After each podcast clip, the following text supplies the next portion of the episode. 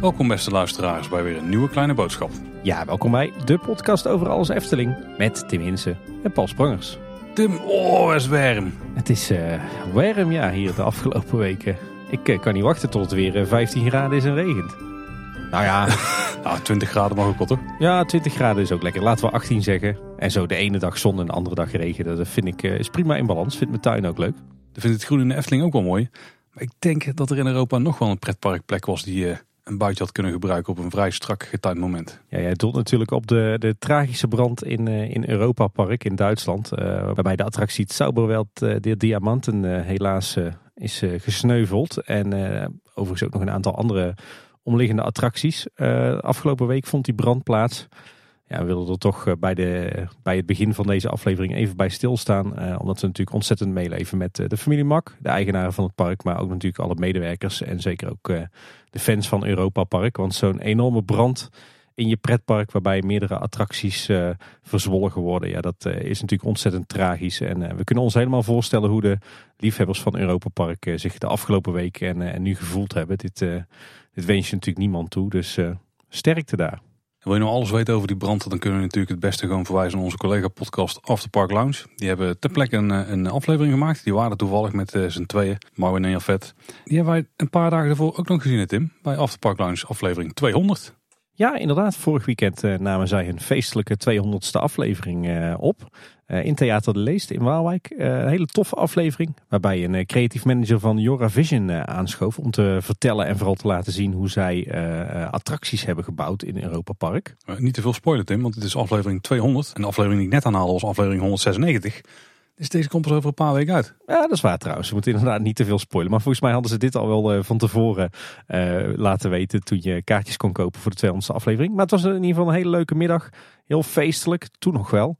Eh, hoe cru ook. En nou, ook weer ontzettend veel bekenden uit het, het fanwereldje van Europa Park. Maar ook heel veel bekende Efteling-fans en oud-Eftelingers. Dus we hebben daar een gezellige middag gehad. Eh, en Zeker. ik kan niet wachten tot die aflevering uitkomt. En dat was een handjevol oud-gasten van onze aflevering. Ik denk wel een man of 7, 8 die zijn verschenen bij ons. Ja, wel een aardige afvinklijst. Maar eh, ja, jongens, de Europa Park fans, eh, sterkte.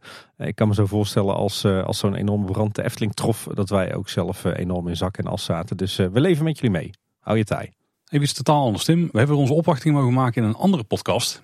In dit geval geen pretparkpodcast. Nee, maar een dierentuin-podcast. Nou is op dat, ook dat niet zozeer nieuw voor ons. We hebben al een Nou. paar keer in Zoo Insight gezeten. Voor mij wel. Ja, voor jou wel trouwens.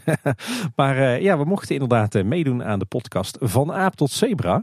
En eh, dat is ja, een beetje de dedicated podcast voor Wildlands Adventure Zoo in Emmen. Ja, er waren meerdere overeenkomsten tussen onze podcast, maar die halen die aflevering zelf aan. Dus die kun je het beste gewoon even zelf luisteren.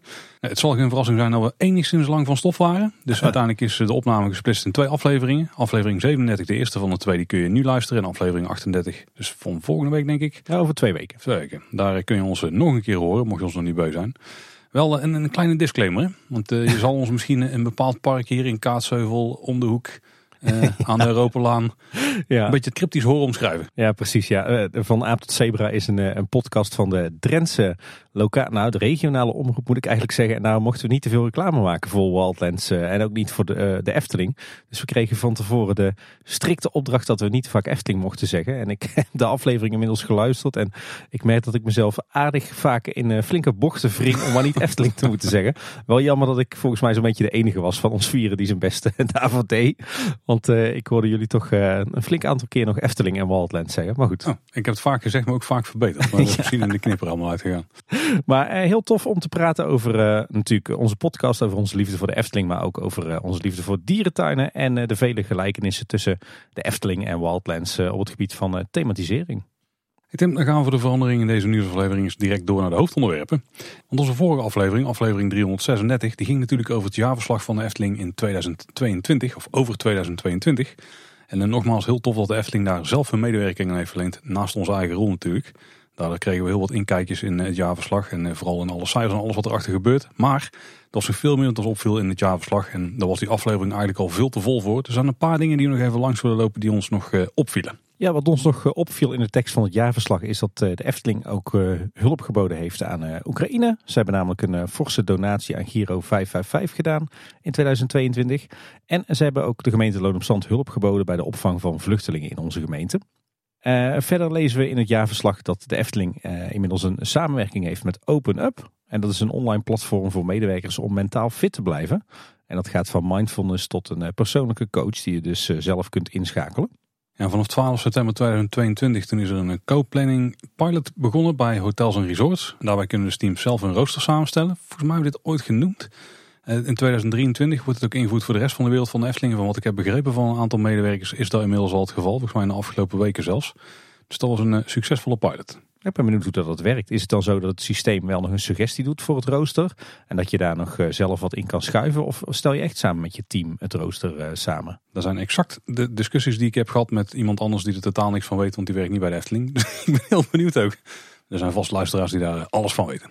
Uh, ook leuk om te lezen in het jaarverslag is dat op dit moment 48% van alle leidinggevende posities in de Efteling worden vervuld door vrouwen. Dus dat is heel netjes. Het gaat in totaal om 107 eh, leidinggevende posities, waarvan dus bijna de helft eh, door een vrouw wordt uitgeoefend. En van die 107 uh, managers zijn er 18 die direct aan de directie rapporteren. Dus zeg maar de hoge managers binnen het bedrijf. En daarvan is uh, 33% vrouw. Dus daar, dat mag nog een beetje verbeteren. De directie van de Efteling bestaat uit drie mannen en één vrouw. En in de Raad van Commissarissen is dan weer 60% vrouw. In ieder geval goed dat hier uh, volop aandacht voor is in het jaarverslag. Want naast wat inleidingen door de directie en de Raad van Commissarissen er ook altijd een wordt. En daarin schrijft de directie, de Efteling moet inclusiever en toegankelijker zijn dan ooit. Zodat echt iedereen, ongeacht fysieke, financiële of sociale beperkingen, hier dichter bij elkaar kan komen. We nemen deze maatschappelijke verantwoordelijkheid serieus en willen ons de komende jaren hiervoor zichtbaar en actief inzetten. Nou, dat merken we absoluut aan uh, allerhande initiatieven van de laatste tijd. Hè? Sterker nog, in deze aflevering zitten volgens mij nog een, eh, een aantal eh, puntjes die daar wel eens mee kunnen samenhangen. Zeker, inclusiviteit eh, staat echt hoog in het vaandel bij de Efteling nu. En ik moet toch wel zeggen dat ik het wel heel tof vond om in, in die aflevering vanuit Bas van Tilburg te horen dat de Efteling het echt belangrijk vindt dat het park toegankelijk blijft met ja, gewoon hele schappelijke entreeprijzen. En dat er weliswaar winst uh, gedraaid wordt, maar dat winstmaximalisatie in ieder geval uh, geen doel op zich is. Iets wat we natuurlijk wel bij uh, met name de grote pretparkgroepen om ons heen zien. En nou, ik vond het wel mooi om te horen dat, dat het voor de Efteling toch nog echt belangrijk is dat iedereen gebruik kan blijven maken van, van het product. En onder het kopje marktontwikkeling en strategie vonden we nog een paar interessante zaken. Zo schrijft Efteling dat in het gasttevredenheidsonderzoek de hinder door de bouw en de verbouw vaak naar boven komt. En daar hebben ze ook oplossingen voor, namelijk heldere communicatie en duidelijke routing. En ik denk dat Bouwmeester Big ook een van de initiatieven die op basis van dit punt is ingezet. Ja, goed punt. Uit merkonderzoek in 2022 blijkt dat de Efteling de gastverwachtingen moet overtreffen. En dat betekent maar één ding, Tim. Investeren, investeren, investeren. En daar uh, zijn wij niet op tegen. Absoluut niet. Ook is er in 2022 volop ingezet op de marktbewerking van België en Duitsland. En zo hebben ze in uh, Duitsland bijvoorbeeld The Voice Kids Germany gesponsord. En in België de Code van Koppens. Ken je dat programma? Ja, daar is, is er, heeft er niet iets met een raakvlak met Wie is de Mol of zo? Zo klinkt het wel, ja. Nou, ik heb het even gauw gecheckt, maar het lijkt meer een kinderprogramma te zijn. Met titels als Zo bouw je je eigen escape room. Tips en tricks voor thuis met broertjes Koppers. Oh, de Koppers zijn natuurlijk de, de presentatoren. dus ik denk een beetje een wetenschappelijk kinderprogramma of zo. Ja, de Efteling die benoemt in het jaarverslag ook nog wat hoogtepunten van de Nederlandse marktbewerking. Eh, daaronder valt onder meer de samenwerking met Albert Heijn de campagne rond het afscheid van het spookslot. Ik hmm. weet niet of het helemaal uh, succesvol was. En een succesvolle uh, actiecampagne bij uh, hotels en resorts. Oh, die laatste heb ik zelf niet eens beurs meegemaakt. Nee. Hey, en onderdeel van het jaarverslag is ook altijd het kopje risicomanagement. Waarin ze eigenlijk een soort risico-inventarisatie hebben gedaan. Van wat zijn nou de risico's voor de Efteling als bedrijf de komende jaren. en hoe gaan we daarmee om? En uit, dat, uit die hele risico-inventarisatie hebben we een aantal interessante beheersmaatregelen geplukt. Zo wil de Efteling namelijk uh, de arbeidsvoorwaarden uh, laten aansluiten bij de marktgemiddelde. Dus op die manier wil ze eigenlijk zorgen dat ze uh, toch goede mensen binnenhalen en binnenhouden. Ook eh, lezen we dat ze het belangrijk vinden dat de meest cruciale technologie en ook vakmensen op dat gebied, dat ze die echt intern houden. En dus niet alles buiten de deur zetten.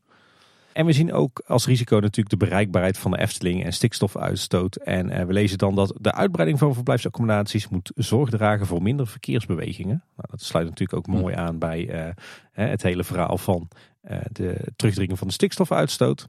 En wat ze ook willen doen is het spreiden van bezoeken van het hoogseizoen naar het voor- en naseizoen door middel van joint promotion acties. En volgens mij is daar de Albert Heijn actie dan ook weer een voorbeeld van. En dan, die willen dus wel meer inzetten zodat die niet in het hoogseizoen zelf gebruikt kan worden. Dat is natuurlijk wel slim. Ja. En dan slaan we voor dit jaar het jaarverslag echt helemaal dicht in. Maar daarop aansluitend hebben we misschien nog wel een ander mooi boekje wat we open kunnen klappen. Ja, zeker. Namelijk de Teamindex van 2022 van de TEA. Die is inmiddels weer uitgekomen. Altijd interessant om er even doorheen te bladeren. Ja, daar lees je ontzettend veel over de, eigenlijk de ontwikkelingen in de hele sector. De hele pret- en themaparken sector, maar ook waterparken en musea.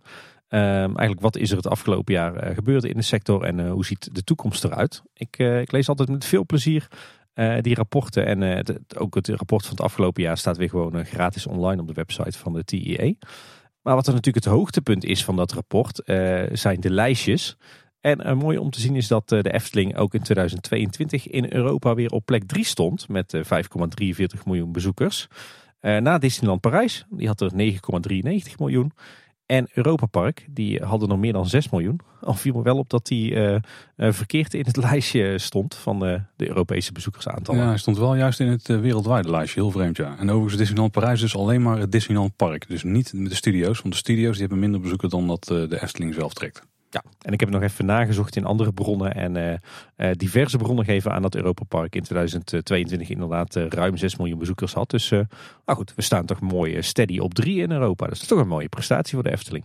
Als we gaan kijken naar de parken na de Efteling, dan hebben we op plek 4 de Walt Disney Studios. En die zit op 5,34 miljoen. Dus scheelt niet heel veel. Nee. En daarna komt Tivoli Gardens, Tim. Dan kan je wel behagen, denk ik, met 3,86 miljoen. Dus al een flinke drop-off. En dan nog Portaventura World met 3,75 miljoen. En daarna dan uh, gaat het met flinke sprongen naar beneden. Dan hebben we Gardenland, Park Asterix, dan ook nog Liseberg. En uh, zo vult zich dat een beetje uit. Ja, Nederland staat er uiteraard maar één park in die lijst. En dat is uiteraard de Efteling. Ja, maar je zou dus eigenlijk kunnen zeggen dat, uh, dat de bovenste regionen, of eigenlijk de, de topparken van Europa zijn Disneyland Parijs, Europa Park, Efteling en de Walt Disney Studios. Dus nou ja, als je Walt Disney Studios en Disneyland Parijs als één ziet, dan dan staat de Efteling gewoon heel steady in die, die top drie. Ook wel bijzonder weer dit jaar is dat het nog steeds een jaar is waarin ze die lijst zo opbouwen dat ze de posities van 2019 aanhouden. Daarom is het allemaal flink zoeken in die lijsten. Want daarna is natuurlijk, uh, zijn er allerlei lockdowns geweest waardoor de vergelijking niet meer eerlijk is, vinden ze. Ik denk dat volgend jaar het eerste jaar is dat die er uh, niet meer op zit, die uh, gekke sortering. Ja, ik moest inderdaad even goed rekenen in het lijstje met de bezoekersaantallen wereldwijd. Want daarin stond de Efteling in 2022 volgens het rapport op de 20ste plek. Maar in werkelijkheid, als je gewoon de bezoekersaantallen van 2022 gewoon netjes sorteert, dan uh, staat de Efteling op uh, plek 16 wereldwijd. Ook denk ik een uh, hele mooie prestatie. Nu is het wel zo dat er nog een ander onderzoek is gedaan. En dat was wel opvallend, want dat was namelijk een onderzoek van Travel Circus. En die keken naar de kwaliteit van pretparken en themaparken in Europa. En daarbij staat de Efteling op plek 2, na Europa Park, volgens het onderzoek dus. Maar het is niet eens een van de top 10 duurste pretparken van Europa. Dat heeft Parkplanet dan weer uitgezocht. Ja, die hebben daar een heel mooi artikel over geschreven. En dan zie je dus inderdaad dat de Efteling eigenlijk spotgoedkoop is uh, in relatie tot uh, de kwaliteit die ze bieden. Heel, uh, heel interessante lijstjes. Al ik wel moet zeggen dat dat onderzoek van Travel Circus naar de kwaliteit... Ja, ik moet zeggen dat is toch ja, erg subjectief denk ik. Er stonden wat, wat noteringen in waar ik toch zo mijn twijfels over had. Het feit dat Europa Park op één staat is wat jou betreft al twijfel genoeg? ja.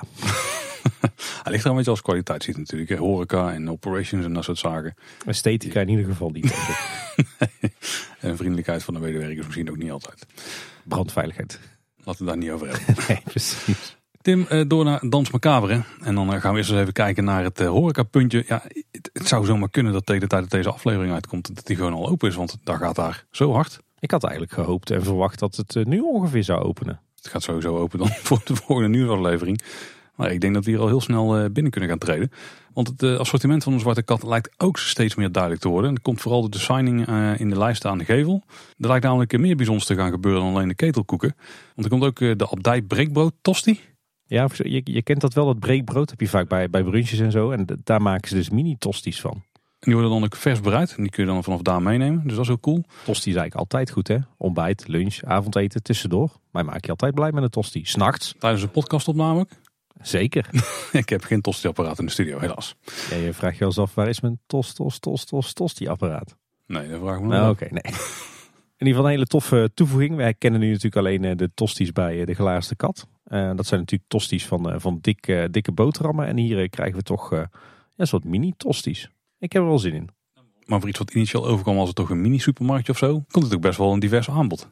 Ik heb echt heel veel zin om te gaan ontdekken wat er allemaal te krijgen is. Ja, volgens mij zouden er ook wat souvenirtjes komen. Hè? Of die hartverwarmers, misschien ook wel drankjes. Het, Ja. nou, het is van alles wat. En samenhangend met, de, met het horecapuntje, er is ook een nieuwe vergunning aangevraagd voor, let op, het realiseren van een kleinschalige horecalocatie. Luikverkoop staat er dan zelfs specifiek bij. Dit zou wel eens het koetshuis kunnen zijn, want we hebben tot nu toe nog niks van zien verschijnen. Maar ik had ook verwacht dat dat misschien in het totaalplan zou zitten al, dat het daarmee is aangevraagd. Ja, of ze trekken die de uitvoering daarvan toch ook wat naar voren. Dat ze daarmee aan de slag gaan zodra de zwarte kat open is. Dus we zeggen, het is natuurlijk wel zo dat we hebben de aanvraag gezien voor, eh, voor de abdij zelf, zeg maar. We hebben de aanvraag losgezien voor dit gebouw, maar we hebben dus Ja. nog nooit die aanvraag gezien voor het koetshuis. Dus het zal niet in die andere plannen hebben gezeten. Nee. Dus ik vermoed dat dit hem dan wel is. Ja.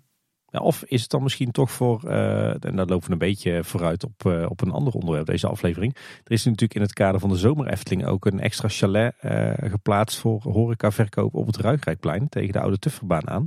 Daar zou het natuurlijk ook voor kunnen zijn. Maar Die is verwijderbaar, toch? Dat is niet een permanent horecapunt, toch? Nee, klopt. Hm. Ik zet mijn geld erin op het koetshuis. Waarbij ik planningstechnisch had verwacht eigenlijk dat ze dan een team hadden wat dan als de fundering van het ene gebouw klaar was, de fundering voor de andere ging leggen. Als dan het messenwerk van de ene klaar was, dat ze dan verder gingen met de andere. Maar er gebeurt ook van alles aan de abdij. Is Misschien te makkelijk gedacht. Nou nee, eigenlijk zoals jij denkt Paul. Zo zou je efficiënt moeten bouwen. Ja, misschien zijn we ook wel doorgaan met de fundering, maar dan van de abdij. En die is nu klaar. Dus dan gaan ze dan door naar... Misschien weet het zo, we weten het niet. Nou, een oproep aan eh, Loopings of Eftelist om eens achter die bouwtekeningen aan te gaan. En dan even kijken naar de stand van zaken. Want bij de Zwarte Kat en de Laatste Hoop, ja, dat lijkt het toch in Nederland klaar, hè? Ja, eigenlijk nog maar een paar eh, ontwikkelingen de afgelopen twee weken. Eh, zo zien we dat er een eh, nieuw uithangbord aan de gevel is gehangen. Met erop natuurlijk taverne in een zwarte kat. Nog zonder een lintje erover met kruidenier eh, trouwens. Met bovenop dat uithangbord een zwarte kat met natuurlijk de twee kleuren ogen. Een, een heel mooi bordje. En we zagen wat berichten van mensen die dachten te hebben gezien dat er zelfscankassa's zijn geplaatst in, ehm, in de winkel zelf. En dat sluit natuurlijk wel aan bij de ontwikkeling die we laatst hebben gezien bij de Efteldingen. Ja, volgens mij was het een mooie video waarbij je door de raam de animatie zag op die schermen van die zelfscankassas. Dus ja, die staan al klaar volgens mij, ja. Zou natuurlijk ook wel kunnen als het inderdaad een soort mini-supermarktje eh, wordt. Een soort AH to go. Nou ja, daar zie je natuurlijk nu ook eh, volop zelfscankassa's. Zeker, ja. En werkt daar prima, hè? Zat trouwens nog te denken. Laatst melden we ook dat eh, er heel wat fotolijstjes zijn gespot in het interieur van de Zwarte Kat. Ik ben benieuwd of we daar oude zwart-wit foto's gaan zien van in een Zwarte Kat nog in gebruik als taverne. Lijkt me wel heel gaaf eh, in het kader van de, de impliciete storytelling. Het zou natuurlijk wel cool zijn als ze voordat eh, al het eh, meubilair van de supermarkt is geplaatst, dat ze daar met wat, wat Efteling-medewerkers of wat projectmensen in oude kleding nagespeeld hebben dat daar een taverne in, in zat. Je hebt daar zin in, Tim. Zou het ook al niet mooi zijn als ze gewoon odes aan het spookslot daar hebben staan?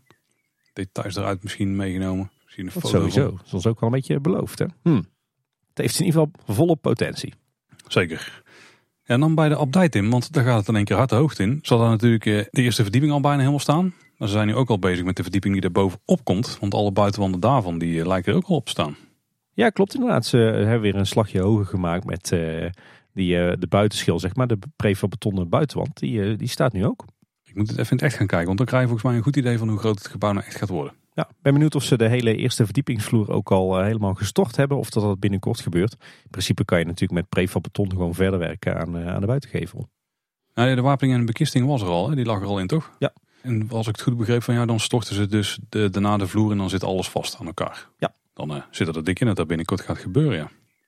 Een van de dingen die je nu een beetje kunt zien, en dat was hetgene waar ik ook heel erg benieuwd naar was, is hoe groot is nou de afstand dadelijk vanaf de draaischijf tot ja, de achterste rand van het decor. Of de achterste wand van het decor moet ik eigenlijk zeggen. Dus eigenlijk de, de, de buitenwand van het gebouw. En die lijkt ook best wel flink te zijn hoor. Want eh, zeker als die vloer is aangestort en het feit dat je nog op die draaischijf zit. En dat die draaischijf dus, eh, dat je daar al ook weer een beetje verder op zit. Op je individuele banken. Ik denk dat we daar ook best wel een mooi stuk diepte hebben waar decor kan komen. Kan toch wel gauw een meter of zes tot acht of zo worden. Dat is denk ik ruim voldoende om er inderdaad een, eh, een 3D-decor van een, ja, een verlaten abdijtuin te bouwen. Met hier en daar nog wat mooie audiovisuele effecten. Misschien een wat projecties. eh. ik zie het al helemaal voor me hoor. Ja, ik eh, heb hier echt enorm veel zin in. Hey, en tot slot, eh, ook aan het buitengebied wordt volop gewerkt. Eerder melden we al dat, dat er funderingen waren gestort en was gemetseld aan wat, wat huisjes die we gaan zien in de wachtrij. En op dit moment verschijnen ook de eerste funderingen voor allerhande wat langere muurtjes die we volgens mij rond het, het kerkhof gaan zien, waar we straks ook doorheen meanderen. En volgens mij ook iets wat ik nog heb gezien is, ik vroeg me af hoe ze die oude uitgangsband van het spooksel toen ze gingen integreren in het geheel. Als ik goed heb gespot, dan hebben ze nu wat damwanden gezet tegen ja, eigenlijk zeg maar centimeter of 20, 30 van die uh, slingerwand vandaan. En die opgevuld weer met aarde. Waardoor je volgens mij aan de ene kant van die wand de kruisgang krijgt. En dan zie je vooral als je door het bos loopt straks, dus door het Huiverwoud deel zelf, zie je denk ik in de verte nog die, die uitgangswand zo opgaan in het resterende stuk spookslot dat er nog staat. En daarmee sluiten we onze Huiverwoud update af, Tim. Maar we hebben stiekem, hij is niet groot, we hebben ook een Efteling Grand Hotel update.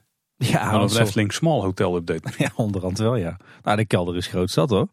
Nee, de afgelopen twee weken is er toch wel iets gebeurd bij het Efteling Grand Hotel. Zo valt me op dat er eh, hier en daar nog wat, uh, wat stukjes fundering of begane grondvloer uh, zijn gemaakt tegen het hotel aan. Die liggen dan niet op de kelderbak, maar die, die zijn eigenlijk tegen die grote kelder aangeplakt als het ware. Waarschijnlijk ook al wat onderdelen van het, van het buitengebied straks of een muur of een schutting ergens. En er is nog hier en daar wat gebeurd aan, aan grondwerk. Het is allemaal netjes afgewerkt. Maar na die laatste werkzaamheden gebeurde er toch wel iets opvallends. Want die enorme rupskraan die eigenlijk al die tijd nog steeds op het bouwterrein stond. Ondanks dat er niet heel veel gebeurde. Die is nu zelfs volledig weggehaald. Dus er staat op dit moment geen hijskraan op de bouwplaats van het Efteling Grand Hotel. Toch wel een teken aan de wand dat daar in ieder geval de komende tijd weinig spannends gaat gebeuren. Weet je wat ik een beetje mist, Tim? We hebben het ooit gehad over dat er mogelijk een helling zou komen aan de kant van het Sprookjesbos. Om de kelder in te kunnen, misschien met grote voertuigen of zo. Of in ieder geval met iets om te laden en lossen. Maar die heb ik op de laatste luchtfoto's niet echt meer kunnen spotten. Nee, terwijl daar volgens mij wel een, een damwand de grond is gegaan en wat, wat kolommen. Ja. Zouden ze dan later nog uitgraven? Dat is vreemd toch? Dan zou je toch gewoon meteen meenemen nu? Ja, je zou zeggen van wel. Zeker nu je toch de lucht nog niet ingaat met, met de constructie. Of zou ze voor een groot deel alleen maar gebruikt hebben om daar tijdens de bouwfase materiaal in te krijgen of zo? Nee, lijkt me niet, want die kan je er gewoon, kon je er gewoon inhijsen tot de begane grondvloer erop lag. Hopelijk komen er snel wel weer kranen terug, want als je er de hoogte in wil gaan, dan heb je wel een kraan nodig. Ja, en uh, zodra er een kraan staat en er komen prefab uh, betonnen wandjes aan, dan uh, kan het ineens snel gaan. Dat hebben we natuurlijk ook bij kantoor Ravelijn gezien. En dat zien we ook bij, bij Dans Macabre op dit moment. Dus wie weet dat dan in een aantal maanden tijd de hele constructie in elkaar staat. Wij kijken naar uit. Er komt natuurlijk wel nog een bouwvak aan en zo. Hè?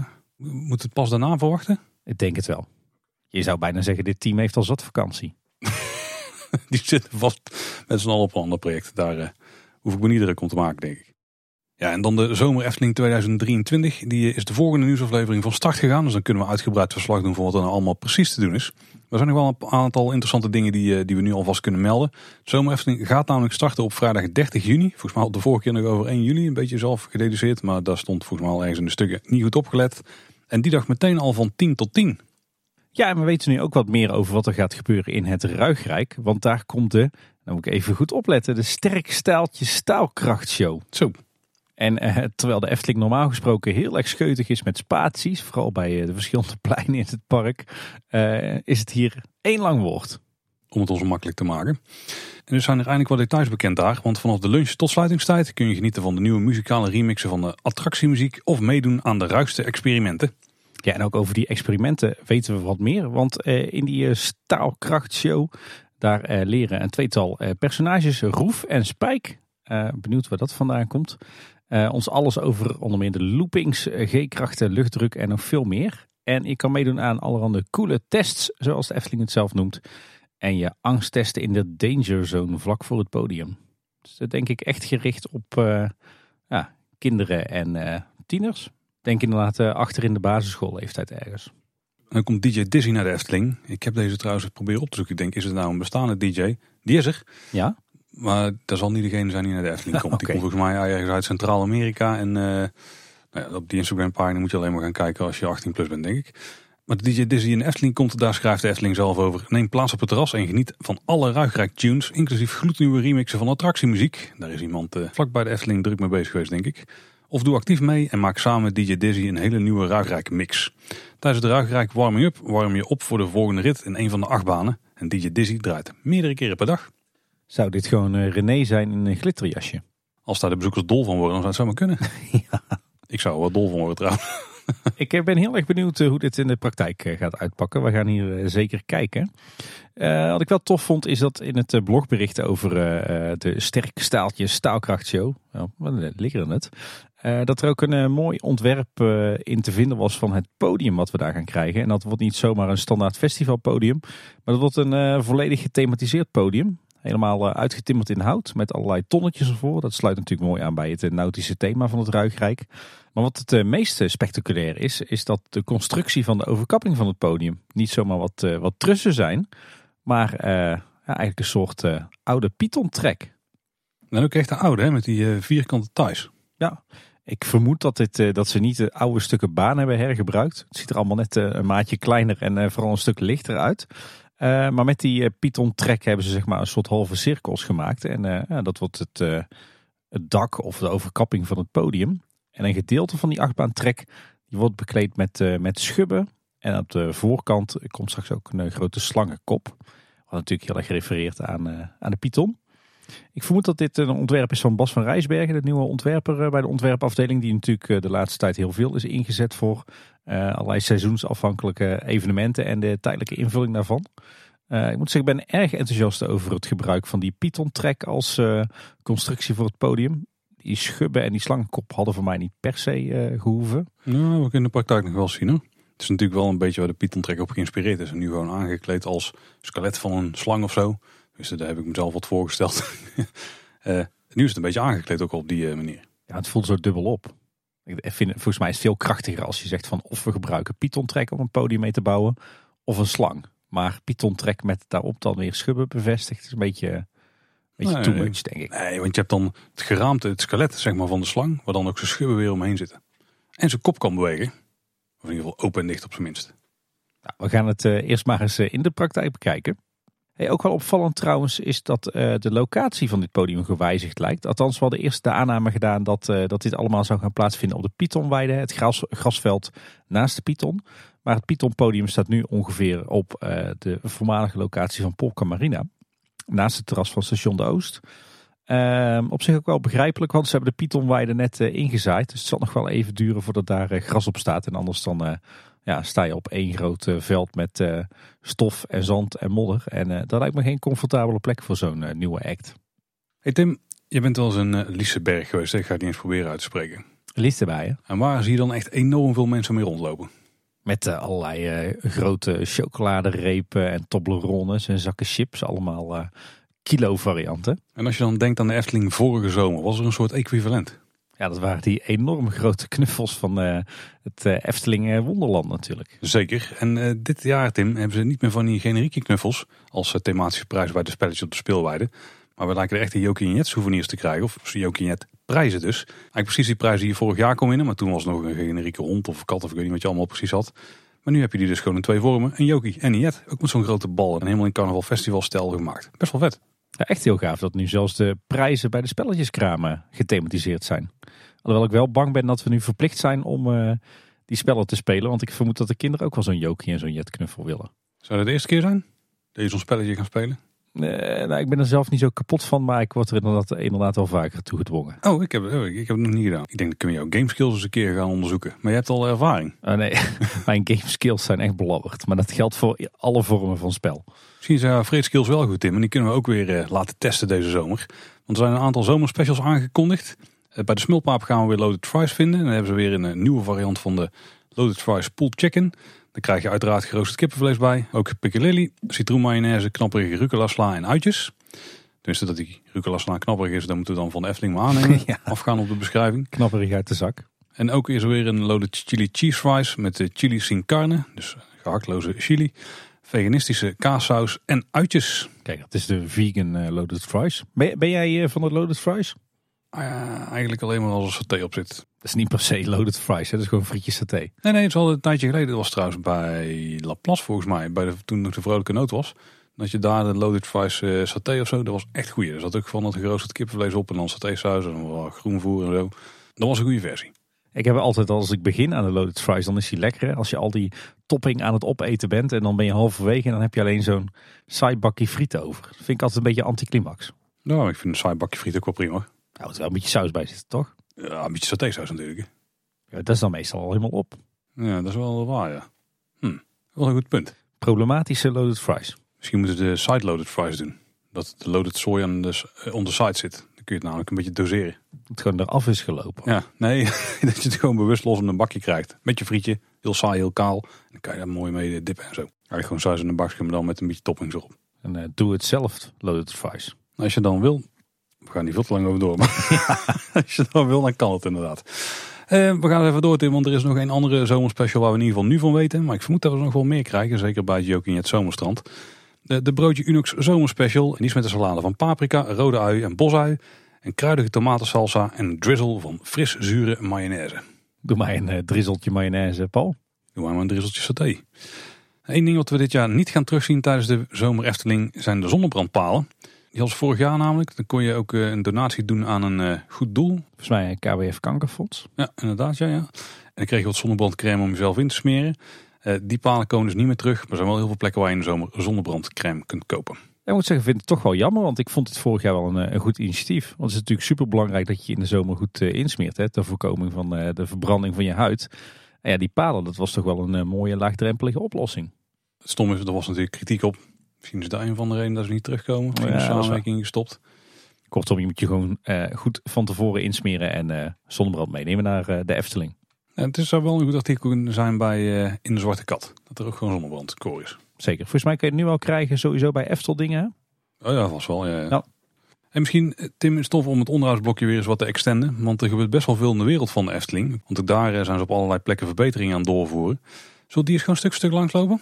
Ja, er gebeurt uh, zoveel buiten de Efteling. Omdat het eigenlijk uh, te veel is om uh, zomaar in het onderhoudsblokje te verstoppen. En we beginnen met de schilderwerkzaamheden bij het Efteling Hotel. Want die gaan gewoon flink door. Ik moet zeggen dat het wel het begint steeds meer te groeien. Ja, absoluut. We waren in eerste instantie niet echt enthousiast over die messing daken in plaats van dat, dat donker oranje. maar ik moet zeggen, nu het hotel uit de stijgers komt en je ziet dan dat messing in combinatie met die donkerblauwe kozijnen en die donkerblauwe glasvlakken, dat het toch wel heel stijlvol is eigenlijk. Dat donkerblauw haalt het wel echt op.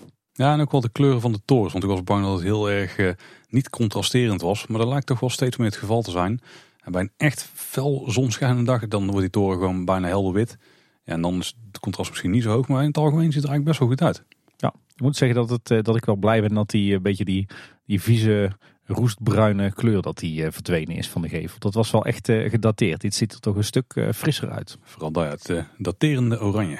Hey, verder viel mij nog op dat er toch dit jaar weer een aantal bomen zijn gekapt op het Loonse Land. En ook in het Duits bosje, natuurlijk het bosgebied tussen het Loonse Land, de Efteling zelf en Bosrijk. Daar vallen toch heel wat bomen uit vanwege verdroging. Hm. Natuurlijk iets wat we, wat we overal in Nederland zien, maar zeker hier op de Brabantse zandgronden. Hopen dat daar toch weer wat uh, nieuwe bomen voor worden teruggeplaatst. Um, en nou we het toch over het Loonse Land hebben. Uh, wat mij laatst opviel is dat er een heel mooi plekje is in het Loonse Land. Wat zeker een aanrader is om een keer te bezoeken. Je hebt namelijk naast het Loonse Hotel heb je de proeftuin waar het restaurant ook naar is vernoemd. Hè. Dat is een moestuin en daar laten ze ook hop groeien voor het eigen biertje. Maar je hebt er ook een hele mooie bloementuin en die staat op dit moment echt prachtig in bloei. En je kan daar heerlijk zitten op een, een picknickbank in alle rust, want het is een heel erg ja, afgescheiden gedeelte eigenlijk. En dat ziet er prachtig uit met al die bloemen. Zeker een aanrader. Eh, en als je dat toch bent, dan uh, kan je ook bijvoorbeeld naar de, de kinderboerderij wat verder op het, uh, het park en de waterspeeltuin die ernaast ligt. En wat ons daarvan eigenlijk nog opviel, of eigenlijk vooral mijn dochters, is dat op dat parcoursje, waar ook die hangbrug in zit, waar als je er overheen loopt, dan zak je eigenlijk weg in het water. Dat is lekker verraderlijk. Dan heb je ook een, een pomp in zitten in dat speeltoestel, waarmee dat je water uit de vijver kan oppompen. En dan ja, heb je een soort waterspeeltuin. Nou, dat ding is echt al jaren defect. En hij doet het weer. Dus die hebben ze gefixt. Doen. Aandacht voor de kleine dingen. Ja. En dan bij Bosrijk zijn ze flink bezig met het parkeerterrein daar. Daar waren een hele tijd geleden al alle bomen gekapt. Er lijken ook alle wortels en zo afgevoerd te zijn. En daar zijn ze enorm hard bezig geweest. Het hele riool is daar eh, aangelegd. Lijkt af te voeren op een waarde die daar ligt. Ja, naast dat parkeerterrein ligt natuurlijk eh, P2, hè, wat we vroeger kenden als KLM. Het gedeelte waar ook eh, de carports met de zonnepanelen staat. En uh, daar hebben ze een hele grote vijver bij gemaakt waar al het regenwater in verzameld wordt. En het lijkt erop dat die riolering van het nieuwe parkeerterrein van Bosrijk ook die kant uit gaat. Dus dan verdwijnt het regenwater niet zomaar in het riool, maar in die vijver waar ze het water in, opvangen en bergen. Ze hebben ook alle aansluitingen voor de lichtmast al gemaakt. Dus alle voeters staan er al. Ik neem aan dat alle elektronica er al in ligt. Ze waren van de week puinverhouding aan het aanbrengen. Dus het zou me niet verbazen als dit misschien wel komende week al in, uh, nou in ieder geval voor het hoogseizoen, al uh, in gebruik genomen gaat worden. Zou dit uh, toch één grote asfaltvlakte worden? Dus er asfalt indraaien. Ja, ja, het zou kunnen. Ja, met puin lijkt dat er wel op, hè? Anders ja. was er wit zand ingereden. Ja. Hm. Ja, daar ben ik dan wel bang voor, ja. Ik, ik hoop toch echt dat ze hier toch hier en daar wat boompjes neerzetten. Maar dat, Dat zal wel niet. Nee, die kans is kleiner had ik zal moeten zien staan, denk ik. Toch jammer. Ik vind die lappen asfalt om op te parkeren echt niet meer van deze tijd. En ook niet bij het, uh, ja, bij het imago van de Efteling passen eigenlijk. Nee, het is natuurlijk makkelijk, snel. En dan is het ook klaar voor het hoogseizoen. Ik denk dat dat wel een van de doelen was. Ja, en ik denk vooral uh, zoveel mogelijk parkeerplekken realiseren op een bepaald oppervlakte. Daar heb je ook best een puntje. Ja. En ook een, een, voertuig wat we regelmatig hebben zien rijden de afgelopen tijd. De Efteling heeft een nieuwe hotels- en resort shuttle. Dat is een elektrische bus. En dat is een Volkswagen e-Crafter. En uh, er, zit al, er zit al iets van bestikkering van de Efteling op, Tim. En die valt gruwelijk op, hè? ja, ja, inderdaad. Op de, de zijkant van de bus uh, zit inderdaad heel klein uh, in Eftelings lettertype. De, er staat beschreven Efteling Hotels en Resort Shuttle. Maar eigenlijk zou die bus toch mooi full color bestickerd moeten worden met weet je, de huislijn van hotels en resorts, toch? Nee, ik denk dat de sticker er nu op zit dat ik daar mijn telefoon nog niet eens mee kan plakken. nee. Misschien net, misschien net. Maar in ieder geval heel tof dat, dat dit ook weer een elektrisch voertuig is natuurlijk. En we zijn ook nog even polshoogte gaan nemen bij de zonneweide die ze aan het aanleggen zijn. Dus het nieuwe zonnepanelenpark helemaal aan de westkant van het Efteling terrein. Ja. En wat wel tof is, daar hebben ze ook een tijdelijke zonnepanelen-array opgebouwd. En die lijkt te gaan dienen voor de stroomvoorziening van de bouwplaats zelf. Dat is niet onderdeel van het zonnepanelenpark, maar dat is echt gewoon elektriciteit die ze opwekken voor de bouw. Ik vermoed dat er ook een accupack bij staat, zodat ze daar dus met alle elektrische voertuigen en materiaal die ze daar gebruiken, dat ze die gewoon kunnen laden. En dat ook alle keten en zo voorzien zijn van elektriciteit. Hoeven er geen aggregaten draaien daar te plaatsen. Goede ontwikkeling. Ja, heel slim natuurlijk, want er ligt daar natuurlijk nog geen, nog geen stroom. Kan ik me zomaar voorstellen. Vandaar dat ze er allerlei dikke kabels naartoe aan het trekken zijn. En in verband met de hele stikstofproblematiek is het natuurlijk wel belangrijk dat het, het materiaal wat daar aan de slag is zoveel mogelijk elektrisch is. En dat je natuurlijk niet oplaadt met een object, een aggregaat die uitstoot levert. Want dan heb je er helemaal niks aan. Hè? Dan schiet het doel een beetje voorbij. Nee, precies. Ja, dan hadden we het al even over de elektriciteitskabels. Want die zijn natuurlijk ook hartstikke belangrijk als je uh, met zonnepanelen energie wil opwekken. Uh, er wordt nu hard gewerkt aan het leggen van die kabels. Het zijn twee hele dikke kabels waardoor de stroom straks moet gaan lopen. En we hadden zo onze twijfels bij hoe komen, hoe komen die kabels dan te lopen. Uh, maar het is inderdaad zo dat vanaf Bosrijk uh, de kabels langs de Eftelingse straat gaan lopen. Dat is zeg maar dat laatste stukje zandpad wat nog is overgebleven. Richting de Dodenauweg. En, en Paul, jou was de vorige keer al opgevallen dat daar hier en daar wat was gekapt en wat was geschoven met, met hekken van weilanden. maar het is inderdaad zo dat die kabel dus dan weer links en dan weer rechts van dat zandpad ligt. Waarschijnlijk omdat de Efteling daar niet alle grond in handen heeft. Dus vandaar dat de afgelopen weken dat dat pad af en toe één grote zandbak was. Ja, misschien is het wel ver gezocht hoor, maar ik liep er dus van de week langs. En als je aan de zuidkant staat van uh, P2, dan kun je niet meteen het hele parkeerterrein zien liggen. Want als je door de Eftelingse straat loopt, dan heb je eerst een stukje ja, bos, een paar bomen rijden. En daarachter heb je dan eerst een heuvel nog liggen. En daarachter ligt dan het parkeerterrein. En uh, ze hebben dus eigenlijk die kabels nu dwars door het bos heen gelegd. Maar ze waren op zo'n manier waar ze de bovenkant daar vlak aan het maken dat ik me bijna voorstelde, of dat ik me heel goed kon voorstellen, dat ze daar misschien een pad gingen aanleggen. Misschien zo'n vergelijkbaar pad wat we ook aan de zuidkant van de Efteling hebben. Zo'n uh, schelp of zo'n zo'n halfverhoudingspad, zeg maar.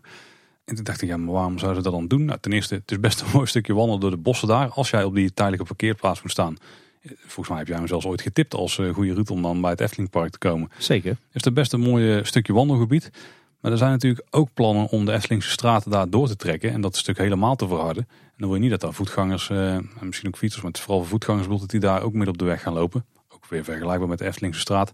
Zeker als je die route ooit wil gaan gebruiken om uh, uh, verkeer te ontsluiten naar de andere parkeerterreinen.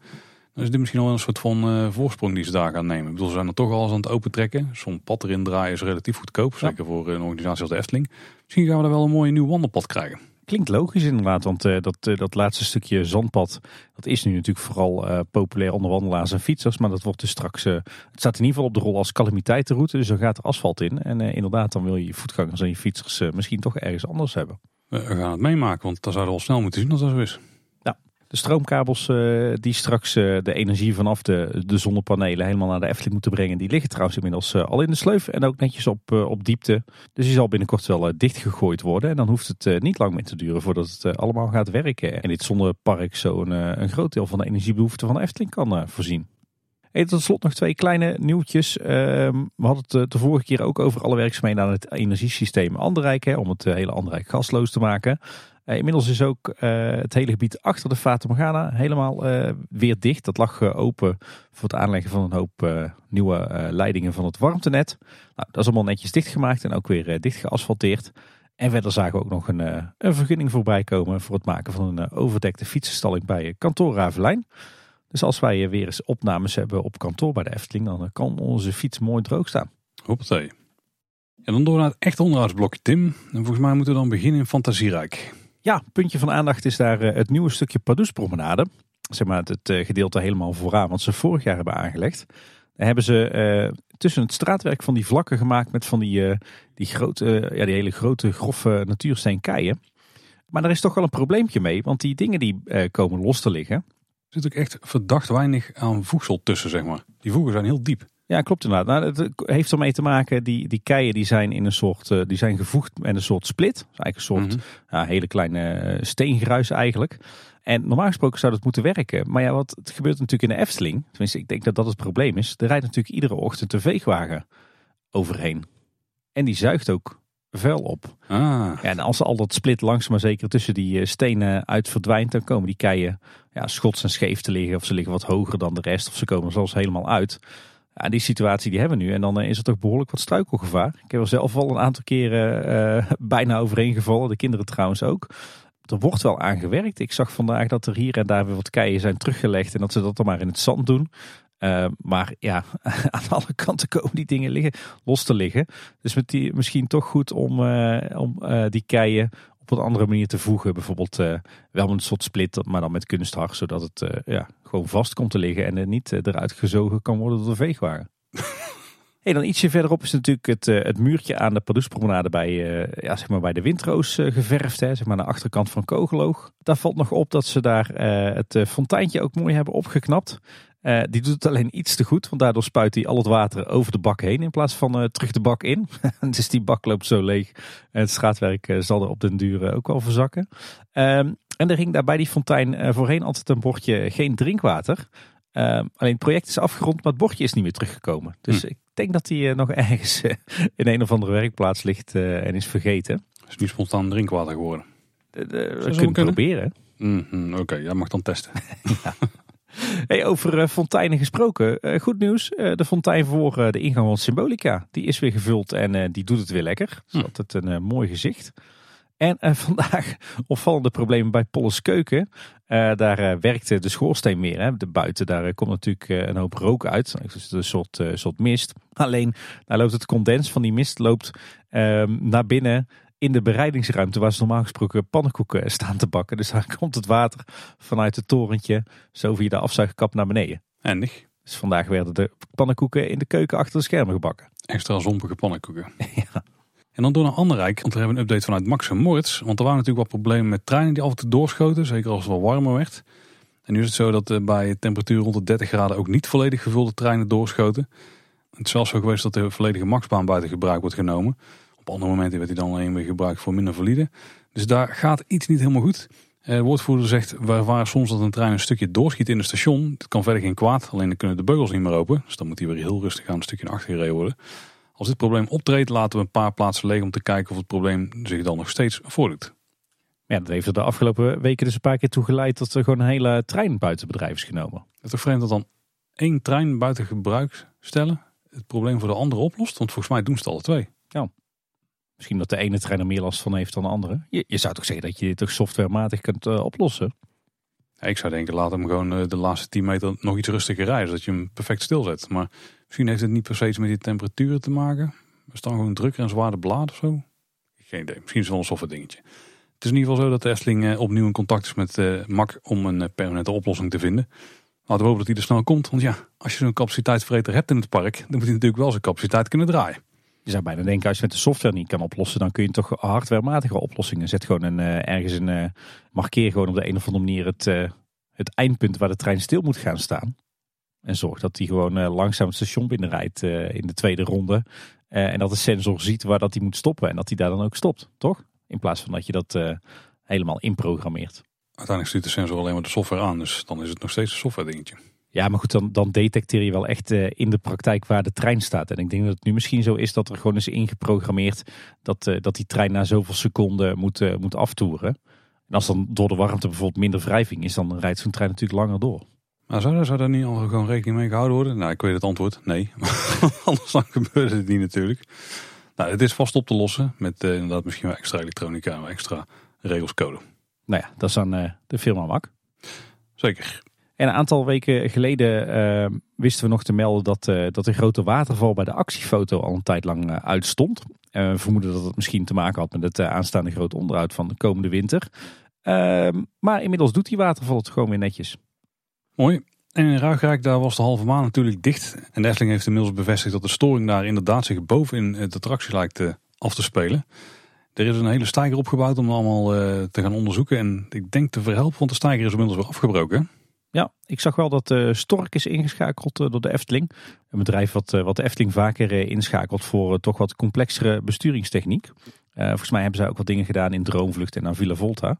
weet je trouwens, Paul, waar Stork ooit groot mee is geworden? Transport of zo?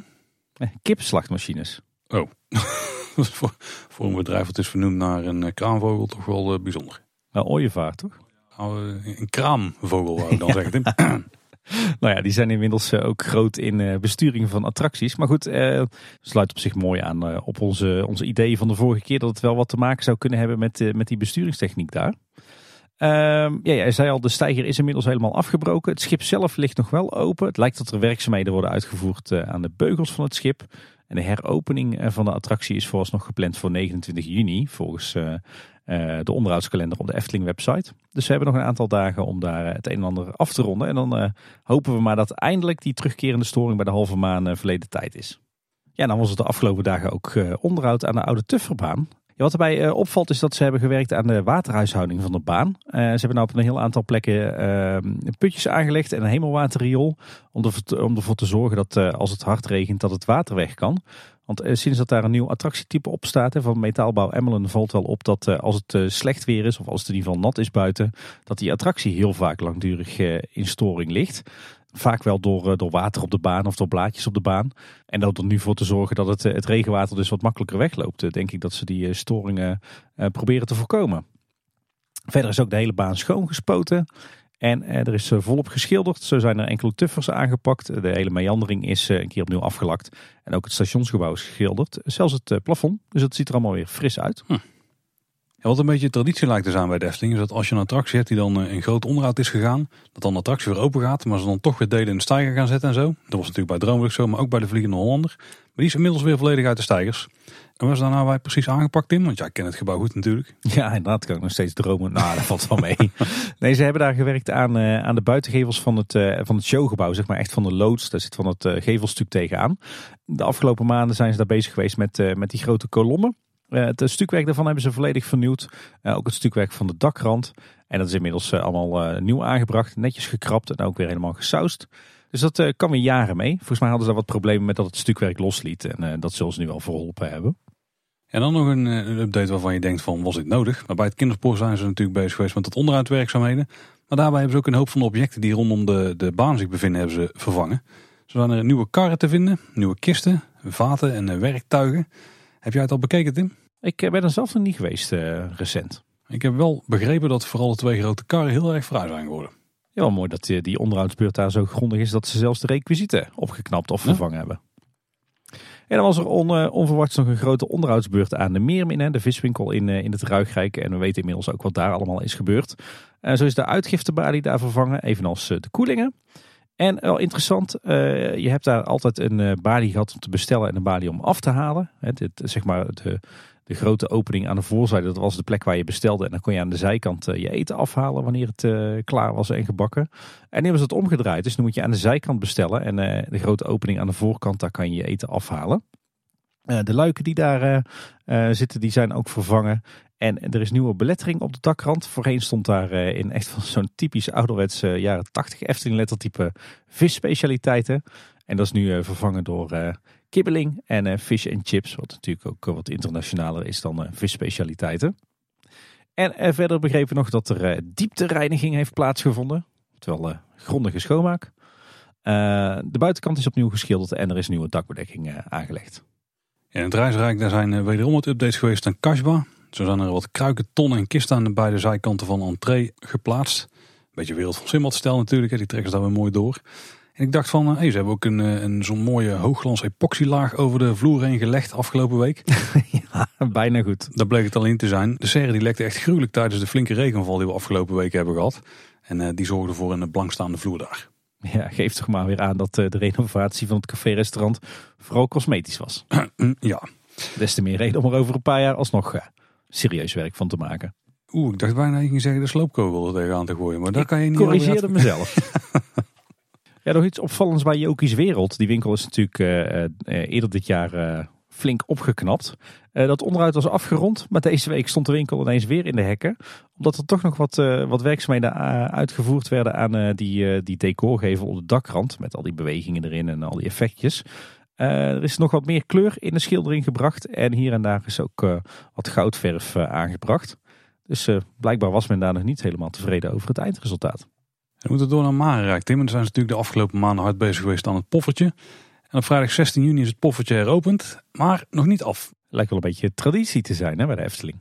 Inmiddels wel, ja. Maar ja, ik snap het ook wel, want je hebt liever dat je de capaciteit wel kunt gebruiken dan dat het al helemaal klaar is. Maar al is het in de ideale wereld is het natuurlijk ook volledig afgerond zodra de mensen weer naar binnen kunnen. Nou, ik snap het ook wel. Liever, eh, liever dat je open gaat zodra je open kan, dan dat je eeuwig blijft rekken. Weet je, de Disneyland Parijs strategie lijkt het wel. Ja, dat hadden ze toch wel verschillende maanden gedaan om uh, één toiletblok te vervangen. ja, was het nou zes maanden de tijd genomen voor één toiletgroep. Ja, netjes. Ja.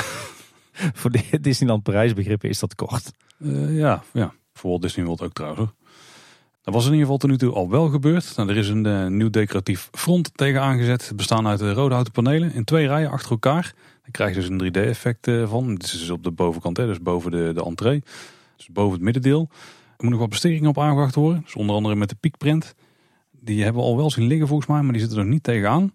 Nou is het zo dat de bereidingsruimte die is eh, flink groter geworden. En er is ook meer ruimte voor de koks. En daardoor kunnen er ook meer poffertjes tegelijk gebakken worden. Ze hebben ook een uh, grote praktische uitgiftebalie gerealiseerd daar voor takeaway. Want dat is dus ook nieuw. En daar kun je 15 poffertjes scoren voor 5,70 euro. Wat ik nog best een schappelijke prijs vind eigenlijk. Ja, prima prijs voor een snackje eigenlijk hè. En die ronde hoeken die waren in het verleden van glas. Daar hebben ze nu RVS-platen van gemaakt. Daar hadden we het al eerder over gehad. Hè. Die zijn inderdaad bestickerd en daar hebben ze een klein verhaaltje op gezet. In het Nederlands en het Engels. En ik zal je de Engelse uitspraak van ons besparen. In het Nederlands staat er: Het poffertje reisde jarenlang de wijde wereld rond. Totdat het in de Efteling zijn mooiste plekje vond. Dit is wat mij betreft wel een gevalletje les is mooi. Je hoeft niet overal een verhaaltje bij te verzinnen, Efteling. Nee, maar als Piek het uh, 50 jaar geleden had gedaan, had het allemaal schitterend gevonden, nou, toch? Nieuwe generatie fans kijkt er over 30 jaar ook schitterend op terug. Wat uh, mij betreft een uh, gevalletje storytelling in plaats van storytelling. Het verhoogde terras is ook gereed. Maar de nieuwe balustrade moet er nog wel aangebracht worden. Net als de trap en het terrasmeubilair. Dus een beetje opletten als je daar rondbanjert. Het oude terrasmeubilair staat er wel opgesteld om de nieuwe verhoging heen. Dus daar kun je al zitten. Technische installaties ook aangepakt. Zo zien we er eh, nieuwe speakers, noodverlichting en ook armaturen die ze buiten hebben opgehangen. Ook nieuwe bebording aan de buitenzijde. Het zijn die, uh, die schildjes die we tegenwoordig op heel veel plekken zien. Die metalen schildjes waar ze dan wisselbare invulling in kunnen doen. En die zien er ook hier weer top uit. Hè? Ben je er al uh, heen geweest Tim? Ik eh, ben er nog niet geweest. Wij zijn vandaag pannenkoeken gaan eten in plaats van poffertjes. Maar ik moet zeggen, wat ik er tot nu toe van heb gezien, buiten dan dat, verhaaltje wat ze van mij hadden mogen weglaten, ziet het er wel echt, echt heel mooi uit. Fijn dat het poffertje een nieuw tweede leven heeft gekregen in dezelfde stijl. Zelfs nog, nog net wat meer pieks misschien wel, dankzij die prent die nog moet gaan komen. maar in ieder geval fijn dat ze niet alles gewoon hebben afgebroken en iets nieuws hebben neergezet. Maar dat het echt ja, en, gewoon een, een renovatie is geweest. Er zijn trouwens wel wat foto's uh, voorbij komen waarbij het er ook op leek alsof binnen ook de vloer is, uh, is vernieuwd. Misschien alleen de vloerafwerking. Het zou geen overbodige luxe zijn geweest. Maar uh, nee, echt een super mooie, fijne opknapbeurt voor het, het poffertje. Ja, de stoomcarousel die is op dit moment gesloten. Ze zijn natuurlijk flink aan het klussen aan de buitenkant. Maar op dit moment zijn ze bezig met het vervangen van de looprails. Het gaat nog duren tot en met 21 juli. Dus nog best wel even. Dat is wel een projectteam, daar zou ik best wel meer over willen weten. Ja, dan zouden we bijna eens een kijkje moeten gaan nemen. Hmm, strak plan. Hey, en uh, over, het, uh, over de stoomcarousel gesproken. We hebben natuurlijk de afgelopen nieuwsafleveringen veel aandacht besteed aan uh, de façade van het carouselpaleis. En dan met name het gedeelte wat is teruggeplaatst op de, de zijgevels eigenlijk. Hè, bij het voormalige waterorgel en het carouseltheater. En eh, ik was daar hier en daar vrij kritisch op. Tenminste, er waren mij een eh, aantal dingen opgevallen. Waardoor ik toch de indruk kreeg dat er half werk was geleverd. Nou ja, blijkbaar leeft het heel erg. Want we hebben vanuit allerhande richtingen reacties gekregen van mensen. Ehm, dat er toch wat zaken net wat anders zaten. Of een beetje aangescherpt konden worden. Ik zal een kleine korte samenvatting proberen te geven van alles wat we hebben binnengekregen. Allereerst vonden wij het verrassend dat de Efteling ervoor had gekozen om dit, dit project te laten uitvoeren door Create. die club die onder meer Efteling Wonderland heeft ingericht. En nu ook de, het, Zomerstrand. Dat zij toch meer ja, festivalbouwers zijn eigenlijk. Mhm. Maar het blijkt dat zij alleen de coördinatie van de klus doen. Of in ieder geval grotendeels de coördinatie van de klus. dat er wel degelijk restauratieschilders bij betrokken zijn. En ook Diego Terroba, die we natuurlijk kennen van verschillende prachtige schilderingen. En de kleine en de grote zweef. En nog duizend en een andere schilderprojecten in de Efteling. maar Create richt zich dan vooral op het het coördineren van het hele project. Uh, de spiegeltjes die we misten in uh, de sokkeltjes onder de joffers, uh, die zijn inmiddels wel aangebracht. Blijkbaar waren die gewoon nog niet geleverd op het moment van het aanbrengen van het decor. Dus dat ziet er netjes uit. En verder zitten er in die gevels natuurlijk nog aardig wat ornamentjes met, met mooie roosjes. En het leek er de vorige keer op dat, daar, uh, dat die roosjes gewoon uh, intact waren gebleven en daar omheen was geschilderd. Uh, maar nu blijkt toch dat die roosjes wel degelijk opnieuw zijn geschilderd. Maar dat er daarna nog een keer omheen is geschilderd om het een beetje op te frissen. Verder blijkt toch dat de schilderingen op de, de dakrand, hoog bovenin, dat, dat die wat geretoucheerd zijn. Dus daar is inderdaad geen eh, sprake van bestikkering. Maar uh, eigenlijk de oude schilderingen die wat zijn, uh, zijn opgeknapt met het penseeltje. Vandaar dat ze er hier en daar wat, wat anders uitzien. En het lijkt erop dat die, die mooie gouden pironnen die voorheen boven op de gevel stonden, dat die toch niet terugkeren. naar verluid omdat daar geen geld meer voor over zou zijn en daarom zouden ze in de opslag zijn gelegd. Wat mij betreft toch een beetje een zwaktebod als je ziet hoe er in andere uh, onderhoudsklussen zoveel oog voor detail is. En datzelfde zou ook uh, gelden voor het, uh, het bladgoud of het, het goudschilderwerk wat, wat niet is opgeknapt.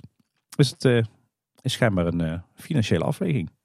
op het Anton Pieckplein zijn nog een aantal aanpassingen gedaan. De banken tegenover het Efteling Museum, die aan de achterkant daarvan, die zijn eindelijk teruggeplaatst en vers geschilderd. Dus daar kun je weer op een fris bankje zitten. En het smidje die heeft eindelijk een welverdiende opknapbeurt gehad. Maar mist nog wel inschaduwwerken.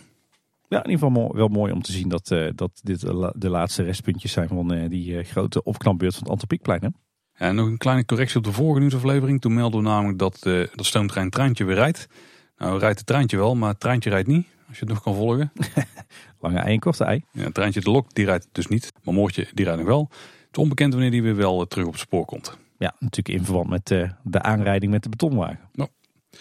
Nou is in het Lavelaar de bel van het leerhuis ook weer terug. Maar hij is een stuk doffer hè, van geluid. Ja, ik weet niet hoe ze het uh, gefixt hebben, maar uh, eigenlijk is het wel prima. Want als je bij uh, het leerhuis staat, dan hoor je hem wel. Maar je galmt niet meer door het hele Lavelaar en dus ook niet over de geluidsmuur heen de Prinsessenbuurt van Kaatsheuvel in. Dan zijn de buren weer blij. Zeker. Hey, dan door naar het Sprookjesbos. Wat daar opvalt is dat de Trollenkoning, die de laatste tijd vaak storing had, dat hij nu een nieuw masker heeft gekregen. Uh, wat norser dan het vorige masker. Maar ik moet zeggen, ik vind het een, uh, een heel mooi masker eigenlijk. Uh, Trollenkoning ziet er voor mijn gevoel nu echt nou, een beetje uit als zo'n zo'n kobold, weet je wel. Zoals je die ook kent uit de Harry Potter, oh, uit de Gringotts Bank. Um, ja, echt super mooi masker. heeft denk ik nog wel wat finishing touch nodig. Want ik denk dat het wat, wat strak zit. Want de ogen van de trollenkoning die liggen wat, wat diep in zijn kassen. Lijkt wel. een één oog uh, zit ook bijna dicht. Dus ik denk dat het masker nog een beetje, een beetje strak is. Maar uh, nee, verder echt een super mooi, mooi masker. Echt kwalitatief nog beter dan het, dan het vorige masker. Heel mooi. We hadden het eerder al over de nieuwe lichtmast bij de Zeemermin. En die is inmiddels voorzien van een nieuwe ledverlichting. En bij het draaklicht geraakte gaat het niet zo lekker. Er regelmatig een storing geweest de afgelopen maanden. Inmiddels weer, want de onderkaak van de draak hangt los. Wordt aangewerkt, hopelijk snel opgelost. Ja, en de heks van Hans en Grietje die blijkt al een tijdje haar brilletje kwijt te zijn. Oh, oh. En eh, het hoofd van Grietje beweegt ook al een tijd niet meer. Maar goed, eh, we weten inmiddels dat het sprookje een uh, grootschalige opknapbeurt krijgt. Dan is er vast wel budget voor een nieuw brilletje voor ons oud-dame. De muurtjes aan de achterzijde van het huisje van vrouw Holle die zijn eindelijk weer hersteld. Dit was een beetje zo'n gebed zonder eind. Hè? Ja. Kapot gereden gemaakt, kapot gereden gemaakt.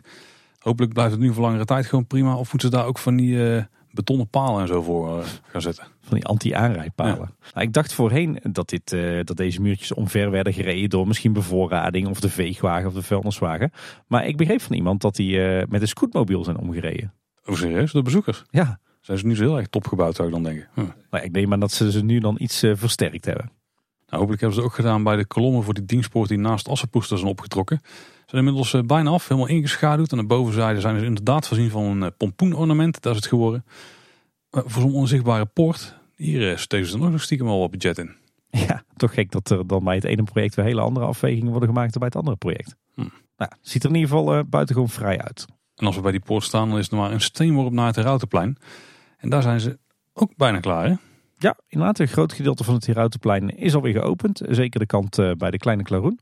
Uh, alleen de magische klok zelf staat nog achter de bouwhekken. En uh, ook de kikkerkoningfontein is nog afgezet met, met dranghekken. Maar, maar eigenlijk heb je dus alweer een groot deel van de beleving terug op het Herautenplein. En de Herauten zelf die zijn ook teruggeplaatst voor de nieuwe kasteelmuren. Het lijkt erop alsof het schilderwerk en het bladgoud wat zijn opgefrist in de tussentijd. Maar dat kan ook gezichtsbedrog zijn. in ieder geval is er een volledig nieuwe mechaniek aangebracht. En die herauten die staan natuurlijk op een uh, sokkel en die uh, moeten om het kwartier een uh, kwartslag draaien. Nou, die onderdelen die lijken allemaal gloednieuw te zijn. Maar grappig genoeg hebben ze er wel weer voor gekozen om techniek uit de jaren 50, nog verzonnen door Peter Reinders, aandrijving met staalkabels over schijven, om die opnieuw te gebruiken. Dus nou, heel tof dat dit stukje oude techniek van Peter Reinders niet verloren gaat, maar dat ze dit 70 jaar later gewoon weer opnieuw doen met nieuwe materialen. Wil je de opbouw nu in actie zien en wil je daarbij ook wel wat hilarische foto's zien? Want het is net dat die herauten continu staan te overleggen van hoe gaan we dit klusje nou aanpakken. Check dan het linkje in de show notes, de wat foto's die Cindy heeft gemaakt van de klus. Ik moest toch wel enigszins grinniken toen ik die foto's voor het eerst zag, ja. De herauten in werkoverleg. Zo zou het prima doen, denk ik. Ik zou er wel bij willen zitten. nou, de schildjes voor de speakers zijn ook weer teruggeplaatst. Deze keer met bladgoud. Heel chic.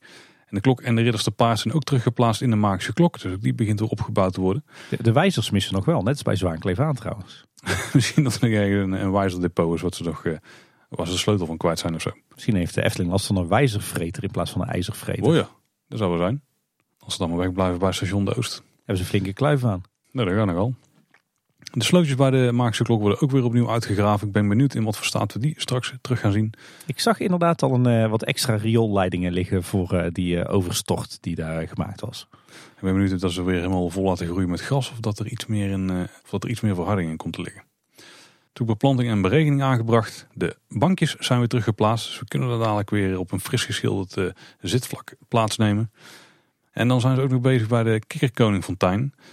Het opengehakte gedeelte daar die is weer dichtgesmeerd met uh, speciaal beton. Er ook wat uh, stukken waterleiding uit. Dus daar uh, moet nog wat aan geklust worden. Er is ook nieuwe coating aangebracht in de fonteinbak. Ook de plek waar de kikkers dan straks geplaatst worden, die zijn vernieuwd. Met wateraansluitingen en wat RWS spinnen waar ze straks op moeten komen staan. Ook voor het rooster in het midden komt hebben ze wat nieuwe betonconstructies gemaakt in het midden van de bak. Stel je niet te veel bij voor, gewoon een klein opstand vierkant randje. En er staat al een nieuw gekoot rooster klaar om geplaatst te worden. En het lijkt ook een stuk hoger te komen liggen dan voorheen. Er was voorheen, uh, lag er wel een rooster in het midden van de fontein. Waar de bal dan op viel en terug naar het midden kon, kon rollen. Als de fontein uh, eens in de zoveel minuten even uitging. Maar die was, was weggewerkt achter een stapel keien. En het lijkt erop dat dit rooster in het zicht komt te liggen. Gezien die, die sierlijke krullen die eraan vast zijn gemaakt. Um, niet de smeedijzeren korf die er in de jaren 50 stond. Maar toch een andere, meer sierlijke verschijningsvorm. En aan de rand van het Ruitenplein vinden we natuurlijk de Kleine Klaroen. En daar hebben ze nog een, eh, een mooie upgrade doorgevoerd voor het personeel wat daar staat. En ook voor de bezoekers trouwens. Want ze hebben daar airco aangebracht met een luchtgordijn. Zodat als je daar binnenkomt dat je lekker koel staat. Dat is een flinke klus, want daarbij hebben ze het, eh, het halve plafond af moeten breken. Kan ik me goed voorstellen, ja. ja. Dan door naar het kort nieuws, Tim. Er was weer een onderzoek van de Raad der Wijze uitgeschreven. En dit keer ging het over themagebieden in de Efteling. Dus dat is ook wel een onderwerp wat speelt. We hebben het er ook regelmatig over natuurlijk. En door middel van het onderzoek hoopt de Efteling wat meer inzicht te krijgen in hoe... Uh, de bezoekers erover denken. Dat stond wel interessante vragen, hè? Ja, wat ik, eh, wat ik wel een hele mooie vond was eh, de vraag: hoe zie jij de Efteling? Als één groot themagebied, als meerdere themagebieden? Of één groot themagebied met meerdere losse themagebieden? dat is wel een mooie antwoord op zich. Ja. Ik ben heel erg benieuwd of uh, gemiddelde leden van de Raad wijze iets begrijpen van deze vraag. Want uh, hij is vrij complex en filosofisch. En toen hebben ze ook een vraag geprobeerd te beantwoorden die wij wel eens gesteld hebben gekregen door luisteraars. Welke gebieden zijn er volgens jou te onderscheiden? Uh, dat hebben we al wel een keer proberen te beantwoorden, toch? Volgens mij kwamen we toen tot 18 gebieden of zo. Ja, zoiets. Ja. Ik weet niet of er wel genoeg invulveldjes waren. Volgens mij wel. Er is ook een vraag, zijn themagebieden een verrijking voor de Efteling? Hmm. Ja, denk ik. Ja, maar dat, is toch dan blijkbaar een vraagstuk wat speelt. Meestal als ze dit soort vragen stellen, dan heb je wat uh, tegengestelde kampen misschien binnen de organisatie waarvan een deel denkt van ja, die themagebieden maakt er niet uit. En de ander denkt nee, we moeten er super hoog op inzetten. Misschien dat ze op zo'n manier dat toch een beetje vinger aan de pols willen krijgen bij de bezoekers. Denk jij niet dat dit soort vragen eigenlijk alleen relevant zijn voor echt de, de mensen uit het werkveld en echte gespecialiseerde liefhebbers die, die die-hard zijn, de, de, de gemiddelde abonnementhouder, denkt hier toch helemaal niet over na. Of een thema, sowieso, wat is een themagebied en is dat wel of niet een verrijking voor de Efteling? Dat zijn toch zijn zo specialistische vragen. Ja, daar raak je wel een goed punt aan, want ik denk dat dit eigenlijk vragen zijn die ze niet moeten stellen aan de buitenwereld. Nee. Sowieso, ze zijn inderdaad te, te detailistisch. Maar het is toch gewoon vragen, weet je wel, is altijd het klassieke voorbeeld... Uh, Zo'n bekende uitspraak van Henry Ford, dat hij zegt van... als ik mensen had gegeven wat ze hadden gewild, dan hadden ze gewoon een sneller paard gekregen. Maar ik heb een auto gebouwd. Waar je dan veel meer mee kunt. En soms weten de mensen zelf niet wat ze willen. En ik denk dat dit ook wel zo'n gevalletje kan zijn. Want je kent de Efteling als een bepaald park met bepaalde, en bepaalde indeling. Die ken je al van, van oudsher, vanaf het moment dat je daar als kind kwam. En alle wijzigingen eraan of alles wat dan afwijkt, is dan vaak klinkt niet als interessant, terwijl het wel interessant kan zijn. En andersom misschien ook hoor. Misschien zit je juist te springen om verandering. Is verandering niet altijd beter. Ik denk dat dit gewoon kwesties zijn die ze beter aan experts kunnen overlaten. Ja. Die je, je niet ondervraagt specifiek via de raad wijzen. Ja, ik denk dat het ook typisch zo'n onderwerp is waar je eigenlijk je, je bezoeker niet mee lastig moet vallen. Dit is gewoon iets dat moet gewoon achter de schermen blijven. Daar, daar mag je als organisatie over filosoferen. Maar eigenlijk moet dit ongemerkt uh, kloppen. Ja. Het moet gewoon van nature goed zijn. Ja, helemaal mee eens. Ja. Nou, even nog een paar andere vragen ook die opvielen, maar daar gaan we nog niet al te diep op in. Um, ik vind het belangrijk dat attracties die zich bij elkaar in de buurt bevinden eenzelfde thema hebben. Oké. En de Efteling heeft geen themagebieden nodig. Ook nog een vraag. Dus het is gevaarlijk om erin te zetten. Ja. En wat zorgt ervoor dat je helemaal ondergedompeld kan worden in een andere wereld? Ook eentje voor de specialisten. Ja, daar ben je gewoon een sterk stukje imagineering aan het uitvoeren eigenlijk. Dan uh, nog even kijken bij Ravelijn, Tim. Want uh, daar werd het ook uh, heet onder de voeten. Of in ieder geval heet in de ruïne in dit geval. Heet tot onder de hoeven, dacht ik dat je ging zeggen. Bijna, ja, ja, Want op zondag 11 juni was er opnieuw een klein brandje. Deze keer dus in een decorstuk. Is die vervallen poort die daar op de voorgrond staat in de arena.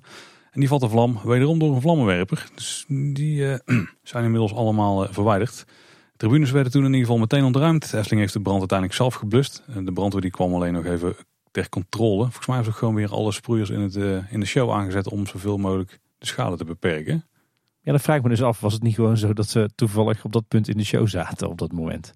Ik heb het idee dat ze een knopje hebben om gewoon alleen die uh, alle, alle fonteinen aan te zetten. Zeg maar. nou, er wordt nog onderzocht of er een verband is tussen de twee brandjes. Voorlopig gaan ze uit van toeval. Maar ja, het is wel met, misschien zijn het gewoon die vlammenwerpers waar een defect aan is of zo. Ja, ja en bovendien was het natuurlijk in een, uh, in een periode van uh, langdurige droogte en extreme warmte.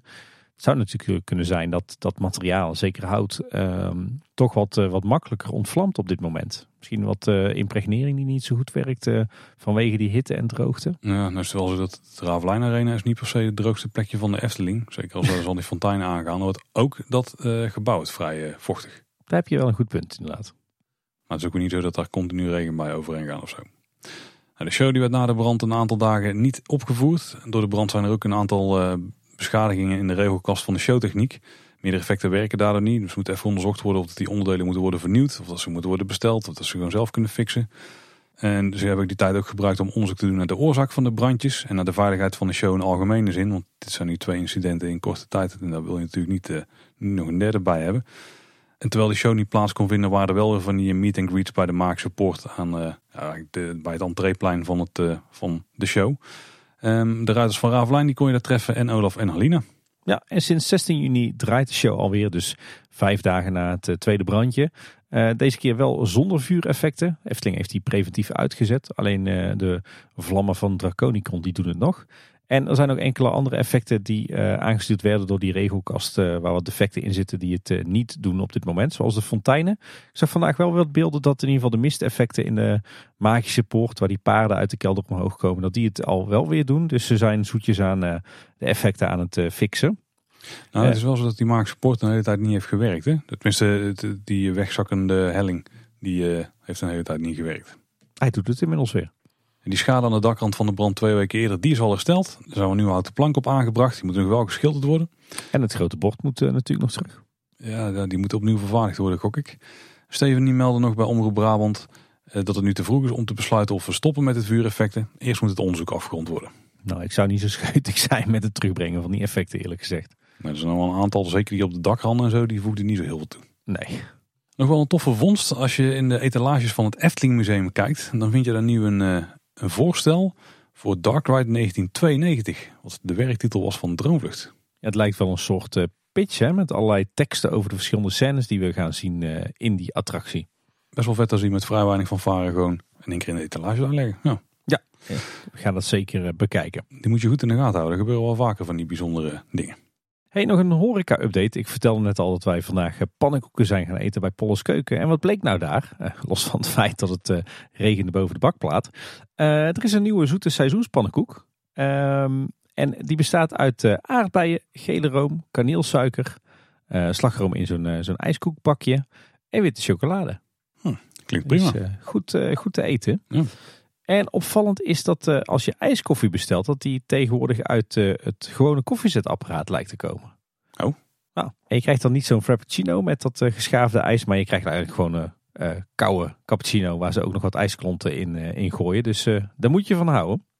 En naast de horeca is er ook wat merchandise nieuws. Zo is er een, wat mij betreft, prachtige nieuwe pinset uitgegeven voor 50 jaar 7 geitjes. Een drietal pins. Een geitje Benjamin in de klok. Uh, het geitje in de voorgevel met dat uh, schildje met de knolraap erop. En natuurlijk uh, de wolf. Setje kostte 17,50 euro. Was wederom niet van tevoren aangekondigd. Maar wel in een, nou in ieder geval een onbekende oplage beschikbaar. En ja, dat, die manier van pins uitbrengen blijkt toch te werken. Want er is eigenlijk geen enkele keer meer chaos geweest. En niemand lijkt ook mis te grijpen. En ja, ik vond deze pinset wel dusdanig mooi dat ik hem toch zelf maar weer gekocht heb. Er is ook een nieuwe merchandise lijn van Nest. Daar kun je namelijk een houten schild en een zwaard van Joris van kopen. En de sleutelhanger met een klein houten zwaardje. En het blonde vrouwtje speelt natuurlijk een belangrijke rol in de poppenkastvoorstellingen. Die worden opgevoerd in het poppenkastgebouwtje. En de echte blonde vrouw, dus degene die we voorheen vonden bij de Marskramer, die staat nu ook daar opgesteld. Ik had bijna verwacht dat hij naar de speelweide zou gaan, net als in iedere winter. Maar misschien dat ze daar nu thematisch wat minder past. Hm.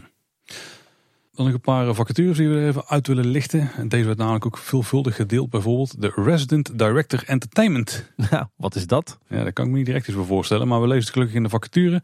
Want als Resident Director ben je verantwoordelijk voor het op hoog kwalitatief niveau houden van producties binnen de wereld van de Efteling.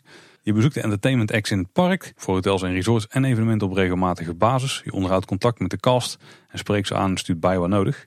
Hierin zet je de artistieke visie van de regisseurs en creatief conceptspecialist entertainment voort en zorg je dat de kwaliteit hoog blijft. Je ondersteunt de regisseurs in de opstart, repetitie en try-out periode en zorgt dat je op de hoogte bent van hun artistieke visie voor de act. Je bent mede verantwoordelijk voor de casting. En wat dus wel tof is, dat dit een rol is die valt onder de afdeling van eh, Sander de Bruin. Dit is een ontwerp- en beleving eh, rol. Ja, ik denk dat je hier een beetje assistent wordt van Sandra in het groen, de creatief conceptspecialist entertainment. Uh, ja, volgens mij, het is een hele mond vol wat je gaat doen. Maar ja, volgens mij in de praktijk uh, sta je gewoon buiten in het veld bij entertainment acts om een beetje in de gaten te houden wat het uh, kwaliteitsniveau is en of de acteurs uh, doen wat in het script staat. Eigenlijk een soort ja, regisseur in het veld. Ik begrijp dat als er artistieke aanpassingen nodig zijn, dat je dan kunt oppikken en ook zorgt dat die worden uitgevoerd. Best wel een toffe baan als je in de wereldje zit. Ja, ze zoeken echt een, een duizendpoot. Hè. Volgens mij ben je echt zeg maar de, de tussenpersoon tussen enerzijds de, de, de conceptspecialisten op kantoor die die acts verzinnen. En anderzijds gewoon de acteurs in het veld. Dus ja, als je wat hebt met, uh, met entertainment en, uh, en acteren, ja, dan is dit volgens mij uh, de ultieme baan. Ja. We zoeken bij de Efteling ook nog een echte vakman, namelijk een senior timmerman metselaar. De Efteling die is op zoek naar een ervaren timmerman die bij voorkeur ook kan metselen en tegelen. Ja, opvallend, want in het verleden zochten ze telkens alleen maar timmerman, omdat ze natuurlijk het, het metselen steeds vaker uitbesteden gewoon aan bouwbedrijven. Maar blijkbaar hebben ze toch weer de ambitie om binnen de bouwdiensten ook gewoon lekker zelf te gaan metselen en tegelen.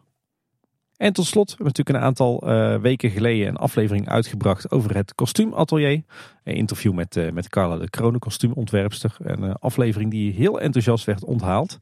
En vond je dat nou ook hartstikke interessant en kan je wat met naald en draad? Dan is er, zoeken ze nu een stagiair voor het kostuumatelier. Dus grijp je kans zou ik zeggen. Tim, ken jij de podcast HR-bazen? Het zal je vast niet verbazen dat ik die niet kende. Nee, ik ook niet, maar Malike van der Laar, dus de manager HR van de Efteling, die is daar te gast in aflevering 5. Dus wil je er alles over weten, check dan die aflevering. Ja, absoluut een, een luistertip. Ehm, goed interview met interessante vragen. En uh, Malik is ook echt een leuk mens. Alleen de audio kwaliteit is echt bagger. Ik sta nooit hoe dat in zo'n professionele podcast kan. Maar het, ondanks dat is het zeker de moeite van het luisteren waard. Dan was er wel ophef over waterverspilling bij de pompen van de Efteling. En dan met name de drinkpompen. Aanleiding was een kritische tweet over de pomp bij de Vliegende Hollander. Want daar komt het water compleet rennen uit een van die drie tuiten. Vanwege die ophef werd het ook meteen aangepast. Nu komt er alleen maar water uit de middelste tuit. Dus gaat de beleving een beetje achteruit. Ja. Maar we voorkomen er wel waterverspilling. Eh, we hebben natuurlijk ook nog de lebberpomp in het lavelaar. Daar heb je een beetje zo'nzelfde trucje. Daar pomp je en dan weet je ook niet precies waar het water vandaan komt. Die moet nog aangepast gaan worden. Dat staat nu even uit. En de Efteling is nu ook aan het kijken naar andere fonteinen in het park. Zoals het toiletten bij Fata Morgana, Kleine Boodschap en het Gemak. En natuurlijk de ganzenhoedster. Mogelijk gaat er iets komen van een, een drukknop of dat er een sensor komt. Zodat het pas iets gaat lopen als je er in de buurt komt. Ik hoop wel dat die fonteintjes nog wel blijven bestaan en dat die ook nog wel water eh, blijven geven. Want het wordt natuurlijk steeds warmer en droger in de zomers. En het is super belangrijk dat mensen voldoende water drinken. En al die fonteintjes zijn natuurlijk een prima voorziening. Het zijn allemaal gratis watertappunten. Ja, je wilt niet hebben dat die, eh, dat die verdwijnen. Ik kan me nu voorstellen dat die gaan weggaan. Als ik een beetje zo uh, proef waar het op uit gaat uh, komen, dan denk ik gewoon iets met sensoren of zo. Uh, opvallend is wel dat de Efteling de laatste tijd op de schermen bij de entree adviseert om voldoende te drinken in verband met het warme weer. Dus nou ja, de Efteling heeft zelf ook wel door dat het belangrijk is om voldoende drinkwaterpunten in het park te hebben. Zodat je niet per se 3 euro of wat zeg ik, 4 euro misschien wel hoeft te besteden aan een half litertje spaarblauw. Bij de fietsenstalling daar lijkt een camera opgehangen te zijn aan de dakrand van die personeelsruimte die er staat met het afdakje. Met zicht op de fiets- en voetpad richting de Kinkerpolder. Dus niet op de stalling zelf. Ja, er staat natuurlijk ook uh, inmiddels weer een, uh, een tijdelijke verplaatsbare camera hè, die de stalling zelf in de gaten houdt.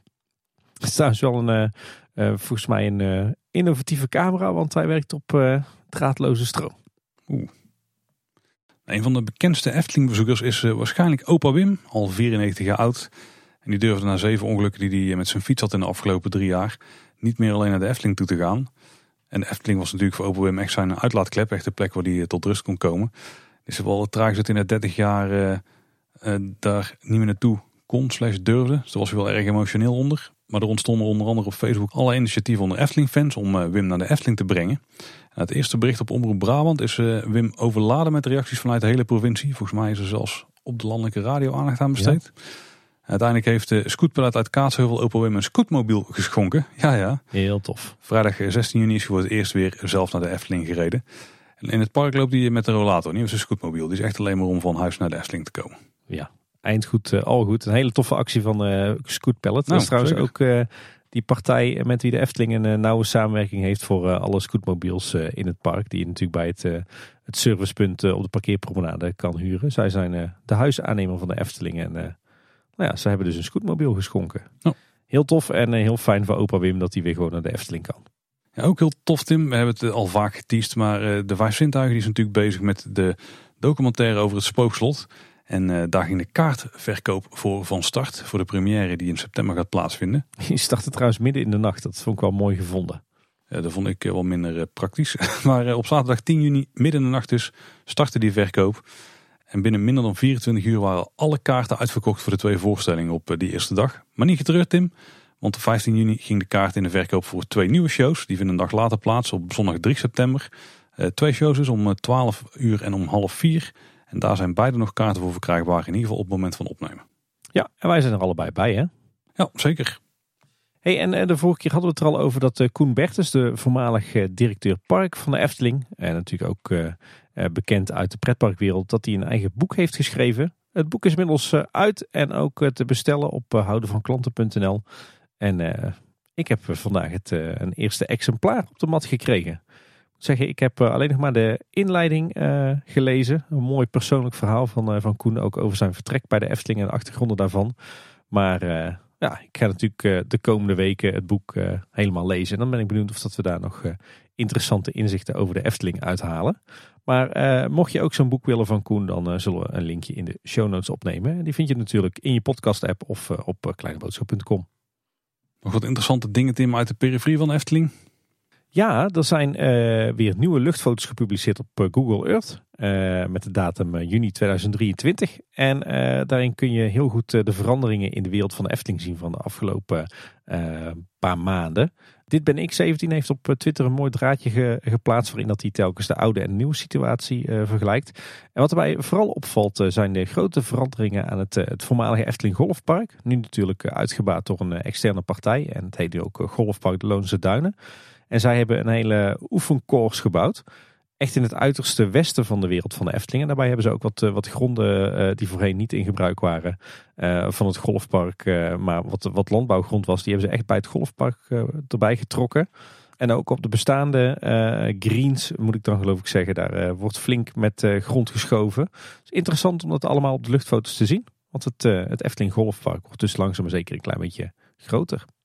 Nou, Tim, en als er een onderwerp is waar wij het regelmatig hebben gehad in de afgelopen vijf jaar, kleine boodschap, bijna zes, dan eh, zijn het toch wel de buren van Efteling. Of ze nou boos zijn of niet. en uh, wil je nou ook buren worden van Efteling? Dat kan, want de Kinkerpolder nummer 10 staat te koop op Venda. Je moet wel even diep in de buidel tasten, want het uh, koopbedrag is 1,25 miljoen. Zo, ik heb ze niet liggen hoor. En ik heb die Funda pagina's even uitgeplozen, Tim. En ik wil er toch één quoteje uithalen. Luister mee. Qua locatie kunnen we kort zijn. Groener dan dit wordt het niet snel. Binnen een paar minuten sta je in het bos. Al hebben je eigen voor- en achtertuin hier ook wel wat van weg. Let op, rust voert hier de boventoon. En het enige wat qua geluid je oren binnenkomt, is het gefluit van de vogels. En een hoop uh, stationair draaiende bussen op het bussenparkeerterrein van de Efteling. Ja, maar ik, uh, nou, in ieder geval hier wonen geen klagende buren, denk ik. Nee, nou ja, droomlocatie denk ik. Zeker voor ons, maar uh, nou, net buiten budget. Net buiten budget, ja. Tim, naar de reacties van luisteraars. We gaan naar eh, Dave eerst. En Dave schrijft, Goeiedag, ik ben onlangs in Disneyland Parijs geweest. En ik ben echt verknocht geraakt aan Crush Coaster en de Twilight Zone Tower of Terror. Ik zou deze ook graag in de Efteling terugzien, maar dan wel met een Eftelingse uitstraling. Wat is jullie mening hierover? En waar zouden jullie die graag zien verschijnen in de Efteling? Zo zie ik Crush Coaster graag in de hal waar Fabula nu zit en de Twilight Zone Tower of Terror op het veld naast de Python. Nou Tim, er zitten eigenlijk een paar hele praktische eigenschappen aan en waar we die uh, zouden zien willen verschijnen. Ja, ik denk dat jij bedoelt op uh, Strookrijk natuurlijk, de oostelijke uitbreiding van de Efteling. Ja, dat maakt voor een spinning coaster niet zo heel veel uit. Maar zo'n zo Tower of Terror-achtige attractie, die zal wel daar moeten komen, omdat je daar hoogte nodig hebt.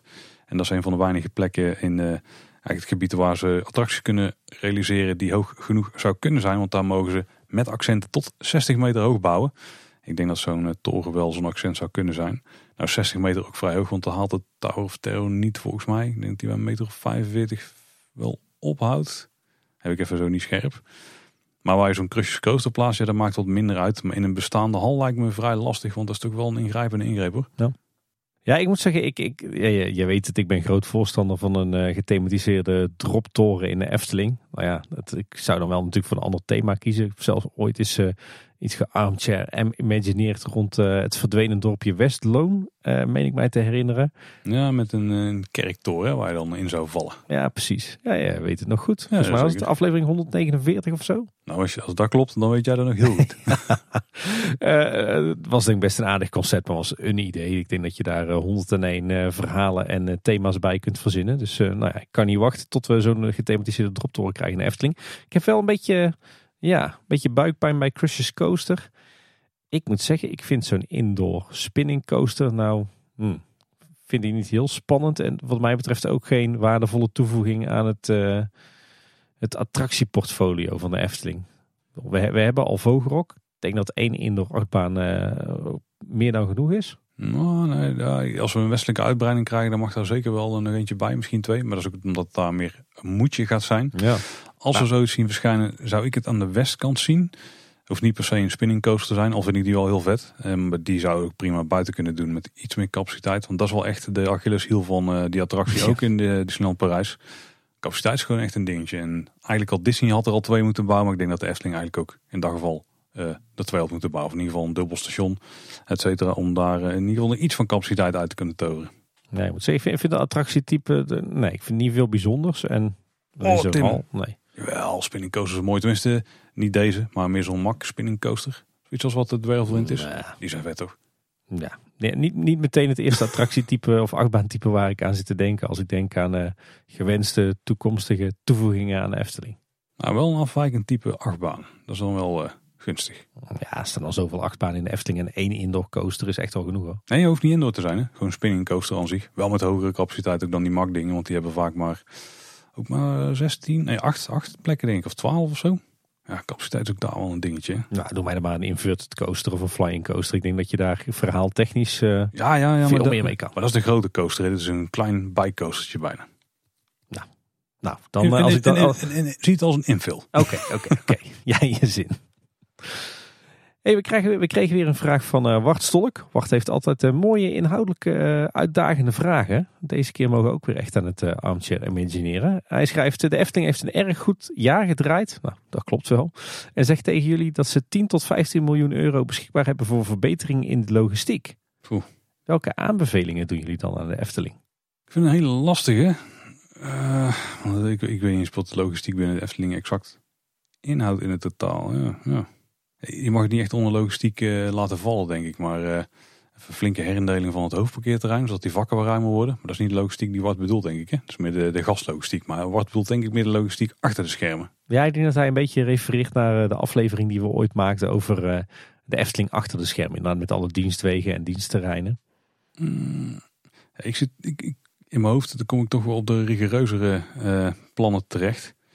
Er zijn een paar plekken waar de, de, de ringweg wordt onderbroken, zeg maar. Door allerlei uh, zaken die vrij belangrijk zijn. Als je, daar misschien delen toch van kunt realiseren door het deels onder de grond te leggen. Maar dat is allemaal vrij onrealistisch voor dat bedrag. 10 tot 15 miljoen kun je niet zo'n hele lange tunnel of zo verleggen. Gewoon bestaande betondelen. Nou ja, ik denk dat je wel een aantal knelpunten kunt oplossen wat dat betreft. Als je bijvoorbeeld kijkt naar de, de kruising tussen de, de Kinkerpolder en uh, het, uh, het parkeerterrein, eigenlijk de twee parkeerterreinen, P1 en P2. Waar je s ochtends eh, een hele stroom auto's eh, vanaf het hoofdparkeerterrein richting P2 hebt. Die dan wandelaars en fietsers kruisen. Uh, wat toch vaak tot bijna ongelukken leidt. Laatste raakten wij daar bijna zelf in een ruzie betrokken tussen mensen die over de Kinkerpolder fietsten en mensen die terugliepen naar hun auto. Dus dat is volgens mij wel een, een, plek waar een tunnel hard nodig is. Zowel een tunnel voor de auto's als misschien ook voor de voetgangers die daarna richting de Efteling lopen. En zo heb je volgens mij nog wel een paar plekken. Bijvoorbeeld eh, de oversteekplek van de Eftelingse straat voor voetgangers vanuit Loonse Land. Bij Bosrijk heb je natuurlijk ook nog zo'n oversteek. Dus een enkele tunnel hier en daar. Dat is geen overbodige luxe. En ik denk dat je met 15 miljoen euro best een paar van dat soort tunneltjes kunt maken. Ja, ja je, hebt ook, zo, je hebt ook nog het punt dat um, mensen die naar Ravelijn gaan, dus naar het kantoor, die kruisen eigenlijk het verkeer wat de Efteling uitrijdt. Oeh ja, dat is ook een hele gevaarlijke. Ja. Dat is ook nog wel iets gedaan kunnen worden. Ik zit een beetje aan, aan dat soort infrastructuur dingen te denken. Ja, en we krijgen straks natuurlijk nog een, eh, een stroom uh, vanuit P2 uh, eh, richting uh, de westelijke parkeervelden, hè, die de, de Dodenauweg gaat kruisen. Daar hebben we ook een, een tunnel of een brug nodig. Zal een tunnel worden. En als er straks ook een, een extra ontsluiting vanaf de parkeerterreinen over de Eftelingse straat gaat, dan heb je sowieso tunnels nodig om vanuit de Efteling naar de vakantieparken te komen. En wat misschien nog wel een, een, aardige tunnel ergens is, is je kunt nu natuurlijk, dat hebben we toen gededuceerd, hè, dat je midden in het park eigenlijk een eh, soort centraal gebiedje hebt. Vanuit waar je best wel veel plekken, uh, die zit dan ongeveer op de plek van de kantine. Vanuit waar je best wel veel plekken van het park in zou kunnen. Als je tussen het dienstencentrum en daar nog een soort directe, zonder dat je bezoekers kruist, route zou kunnen hebben. Misschien ook deels ondergronds, zou ook nog wel mooi zijn. Veel verder dan daar kom ik niet in. Je hebt vast een heel plan bedacht. Ja, nou ja, alhoewel ik moet zeggen, ik, de, ik vond jouw opmerking over de tunnels die hier en daar nodig zijn wel heel erg scherp. Vandaar dat ik hem ook maar meteen mee heb opgepakt. Ehm, ja, ik heb wel zitten denken, ja, voor 10 tot 15 miljoen euro kan je natuurlijk niet echt iets doen aan, aan de logistiek achter de schermen. Je, je kan er geen tunnelsysteem voor maken en ook geen metrolijn voor aanleggen. En ook geen... ik had het graag gewild. ja, precies. En ook geen utility doors, geen grote kelder die onder het hele Efteling Park ligt. dus ik ben meer in de kleinere dingen gaan zoeken. Ik zat te denken, wat je volgens mij van die 10 tot 15 miljoen euro prima kan doen, is uh, echt je volledige wagenpark elektrisch maken. Een deel van het wagenpark van Efteling is natuurlijk al elektrisch nu. Uh, maar je kan ook je hoogwerkers en alle vrachtwagentjes en uh, je loders en kranen en je tractoren en misschien ook gewoon de bussen van de verschillende technische diensten. Gewoon alles elektrisch. Ook een mooie slag in de strijd tegen minder stikstof. En waar ik ook wel aan heb zitten denken is wat volgens mij nu eh, best een groot probleem is, is al het, het zware transport in het park. S ochtends en s avonds, met name s ochtends. Je hebt natuurlijk eh, de, de, de, de, vrachtwagens die eten en drinken komen brengen bij de verschillende restaurants. Je hebt de, de, de vuilnisophaalwagens die uh, s ochtends vuilnis komen ophalen. Ik denk eigenlijk moet je al die vervuilende en, en schade veroorzakende vrachtwagens uit je park halen. ik denk, is het nou niet slim om ergens op het dienstencentrum een soort overslaglocatie te bouwen? Waar, dat, waar die grote vrachtwagens al hun spullen komen brengen. En dat je vanuit daar met meer en kleinere accukarren uh, de horecapunten in het park bevoorraadt. En bijvoorbeeld ook doet met het ophalen van de kliko's die je dan weer buiten het park laat liggen. Dan heb je en minder schadegevallen in het park, minder zwaar transport ochtends door je park, minder onveilige situaties, minder, eh, minder uitstoot. En het sluit een beetje aan op dat, uh, dat picknickmodel, die natuurlijk ook overal in, in dorpen kleine logistieke centra beginnen, van waar ze met, met kleine accukarretjes zorgen voor bevoorrading. Ik denk dat is misschien ook nog wel interessant voor de Efteling. Ja, goeie. Ja. En wat we natuurlijk ook zien is dat de technische dienst en soms de beveiliging dat die met fietsen door het park gaan. Ik denk is het misschien niet verstandig om dat dan een keer te vervangen door uh, kleinere elektrische stepjes. Ja, daar is nog wel een risicootje als in. Die hebben niet in heel de wereld een hele goede naam. Zeker niet in de grote steden en zo. waar iedereen uh, voor hun gevoel ons te boven wordt gereden door die dingen. Misschien is dat een stigma die je niet het park in wil brengen. Misschien dat dan de ouderwetse oud-Hollandse oma fiets dan een beter passend alternatief zou je zeggen. Ja, die hoor je ook net iets beter aankomen dan een stepje. Misschien is dat in dit geval wel gunstig.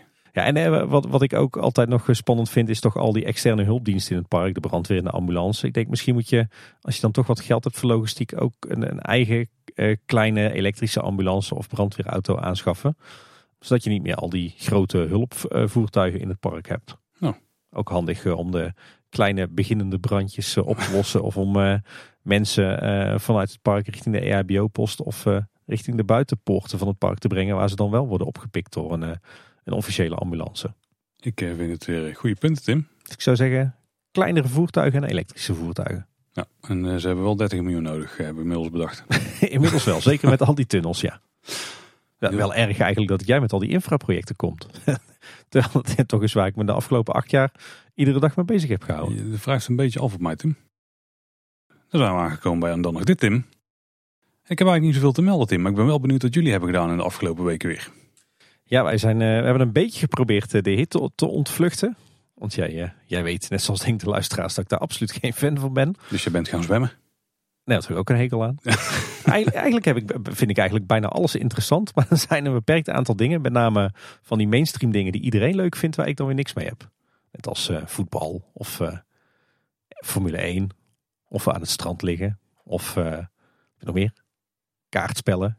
Computergames. Nou, oh. zijn toch best wel dingen waar ik een hekel aan heb. Veel mainstream in ieder geval. Nou goed, eh, we, we hebben de, de hitte ontvlucht. We zijn eh, lekker weer een dagje naar Nationaal Park de Hoge Veluwe geweest. Toch ook wel een thuispark van ons. Daar was het beduidend koeler dan hier in Brabant. onder al die lekkere naaldbomen lekker een eindje gefietst op de witte fietser. Voor het eerst dat, dat de oudste dochter zelf op een klein wit fietsje kon. Dus dat was een hele belevenis. Lekker geluncht daar bij het prachtige parkpaviljoen nog in de speeltuin geweest. En wat heel bijzonder was, is dat we voor het eerst naar het Kruller-Müller museum geweest met de kinderen erbij.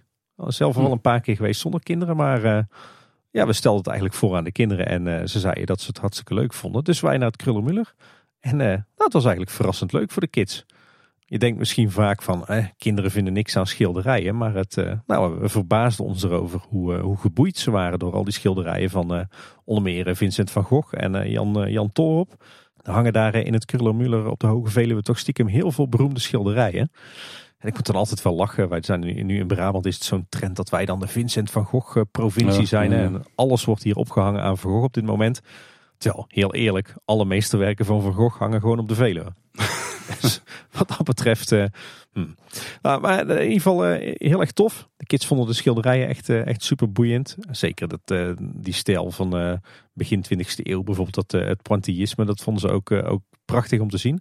Ook een paar leuke speurtochten voor de kinderen in het museum. Ook nog de beeldentuin in geweest. Ook een aantal hele toffe objecten gezien. Dus ja, was eigenlijk verrassend leuk. En verder zijn we de afgelopen weken tot twee keer toe op een kindvriendelijk festival beland. Zo zijn we naar het eh, Kidstok Festival geweest in het eh, Kralingse Bos in Rotterdam aan de Kralingse Plas. Dat was de dag ervoor, was gewoon een, eh, een muziekfestival voor de volwassen bezoeker geweest. En op zondag was er een, een extra dag, maar dan voor ouders met kinderen. Met wat DJ's die optraden met hun eigen kinderen. Was een hele toffe benadering.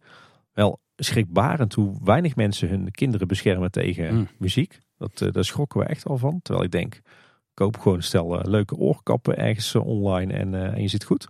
Maar wat, wat verder leuk was, is dat er heel veel straattheater was. Er was natuurlijk heel veel, heel veel foodtrucks waren er. En ook heel veel knutselen.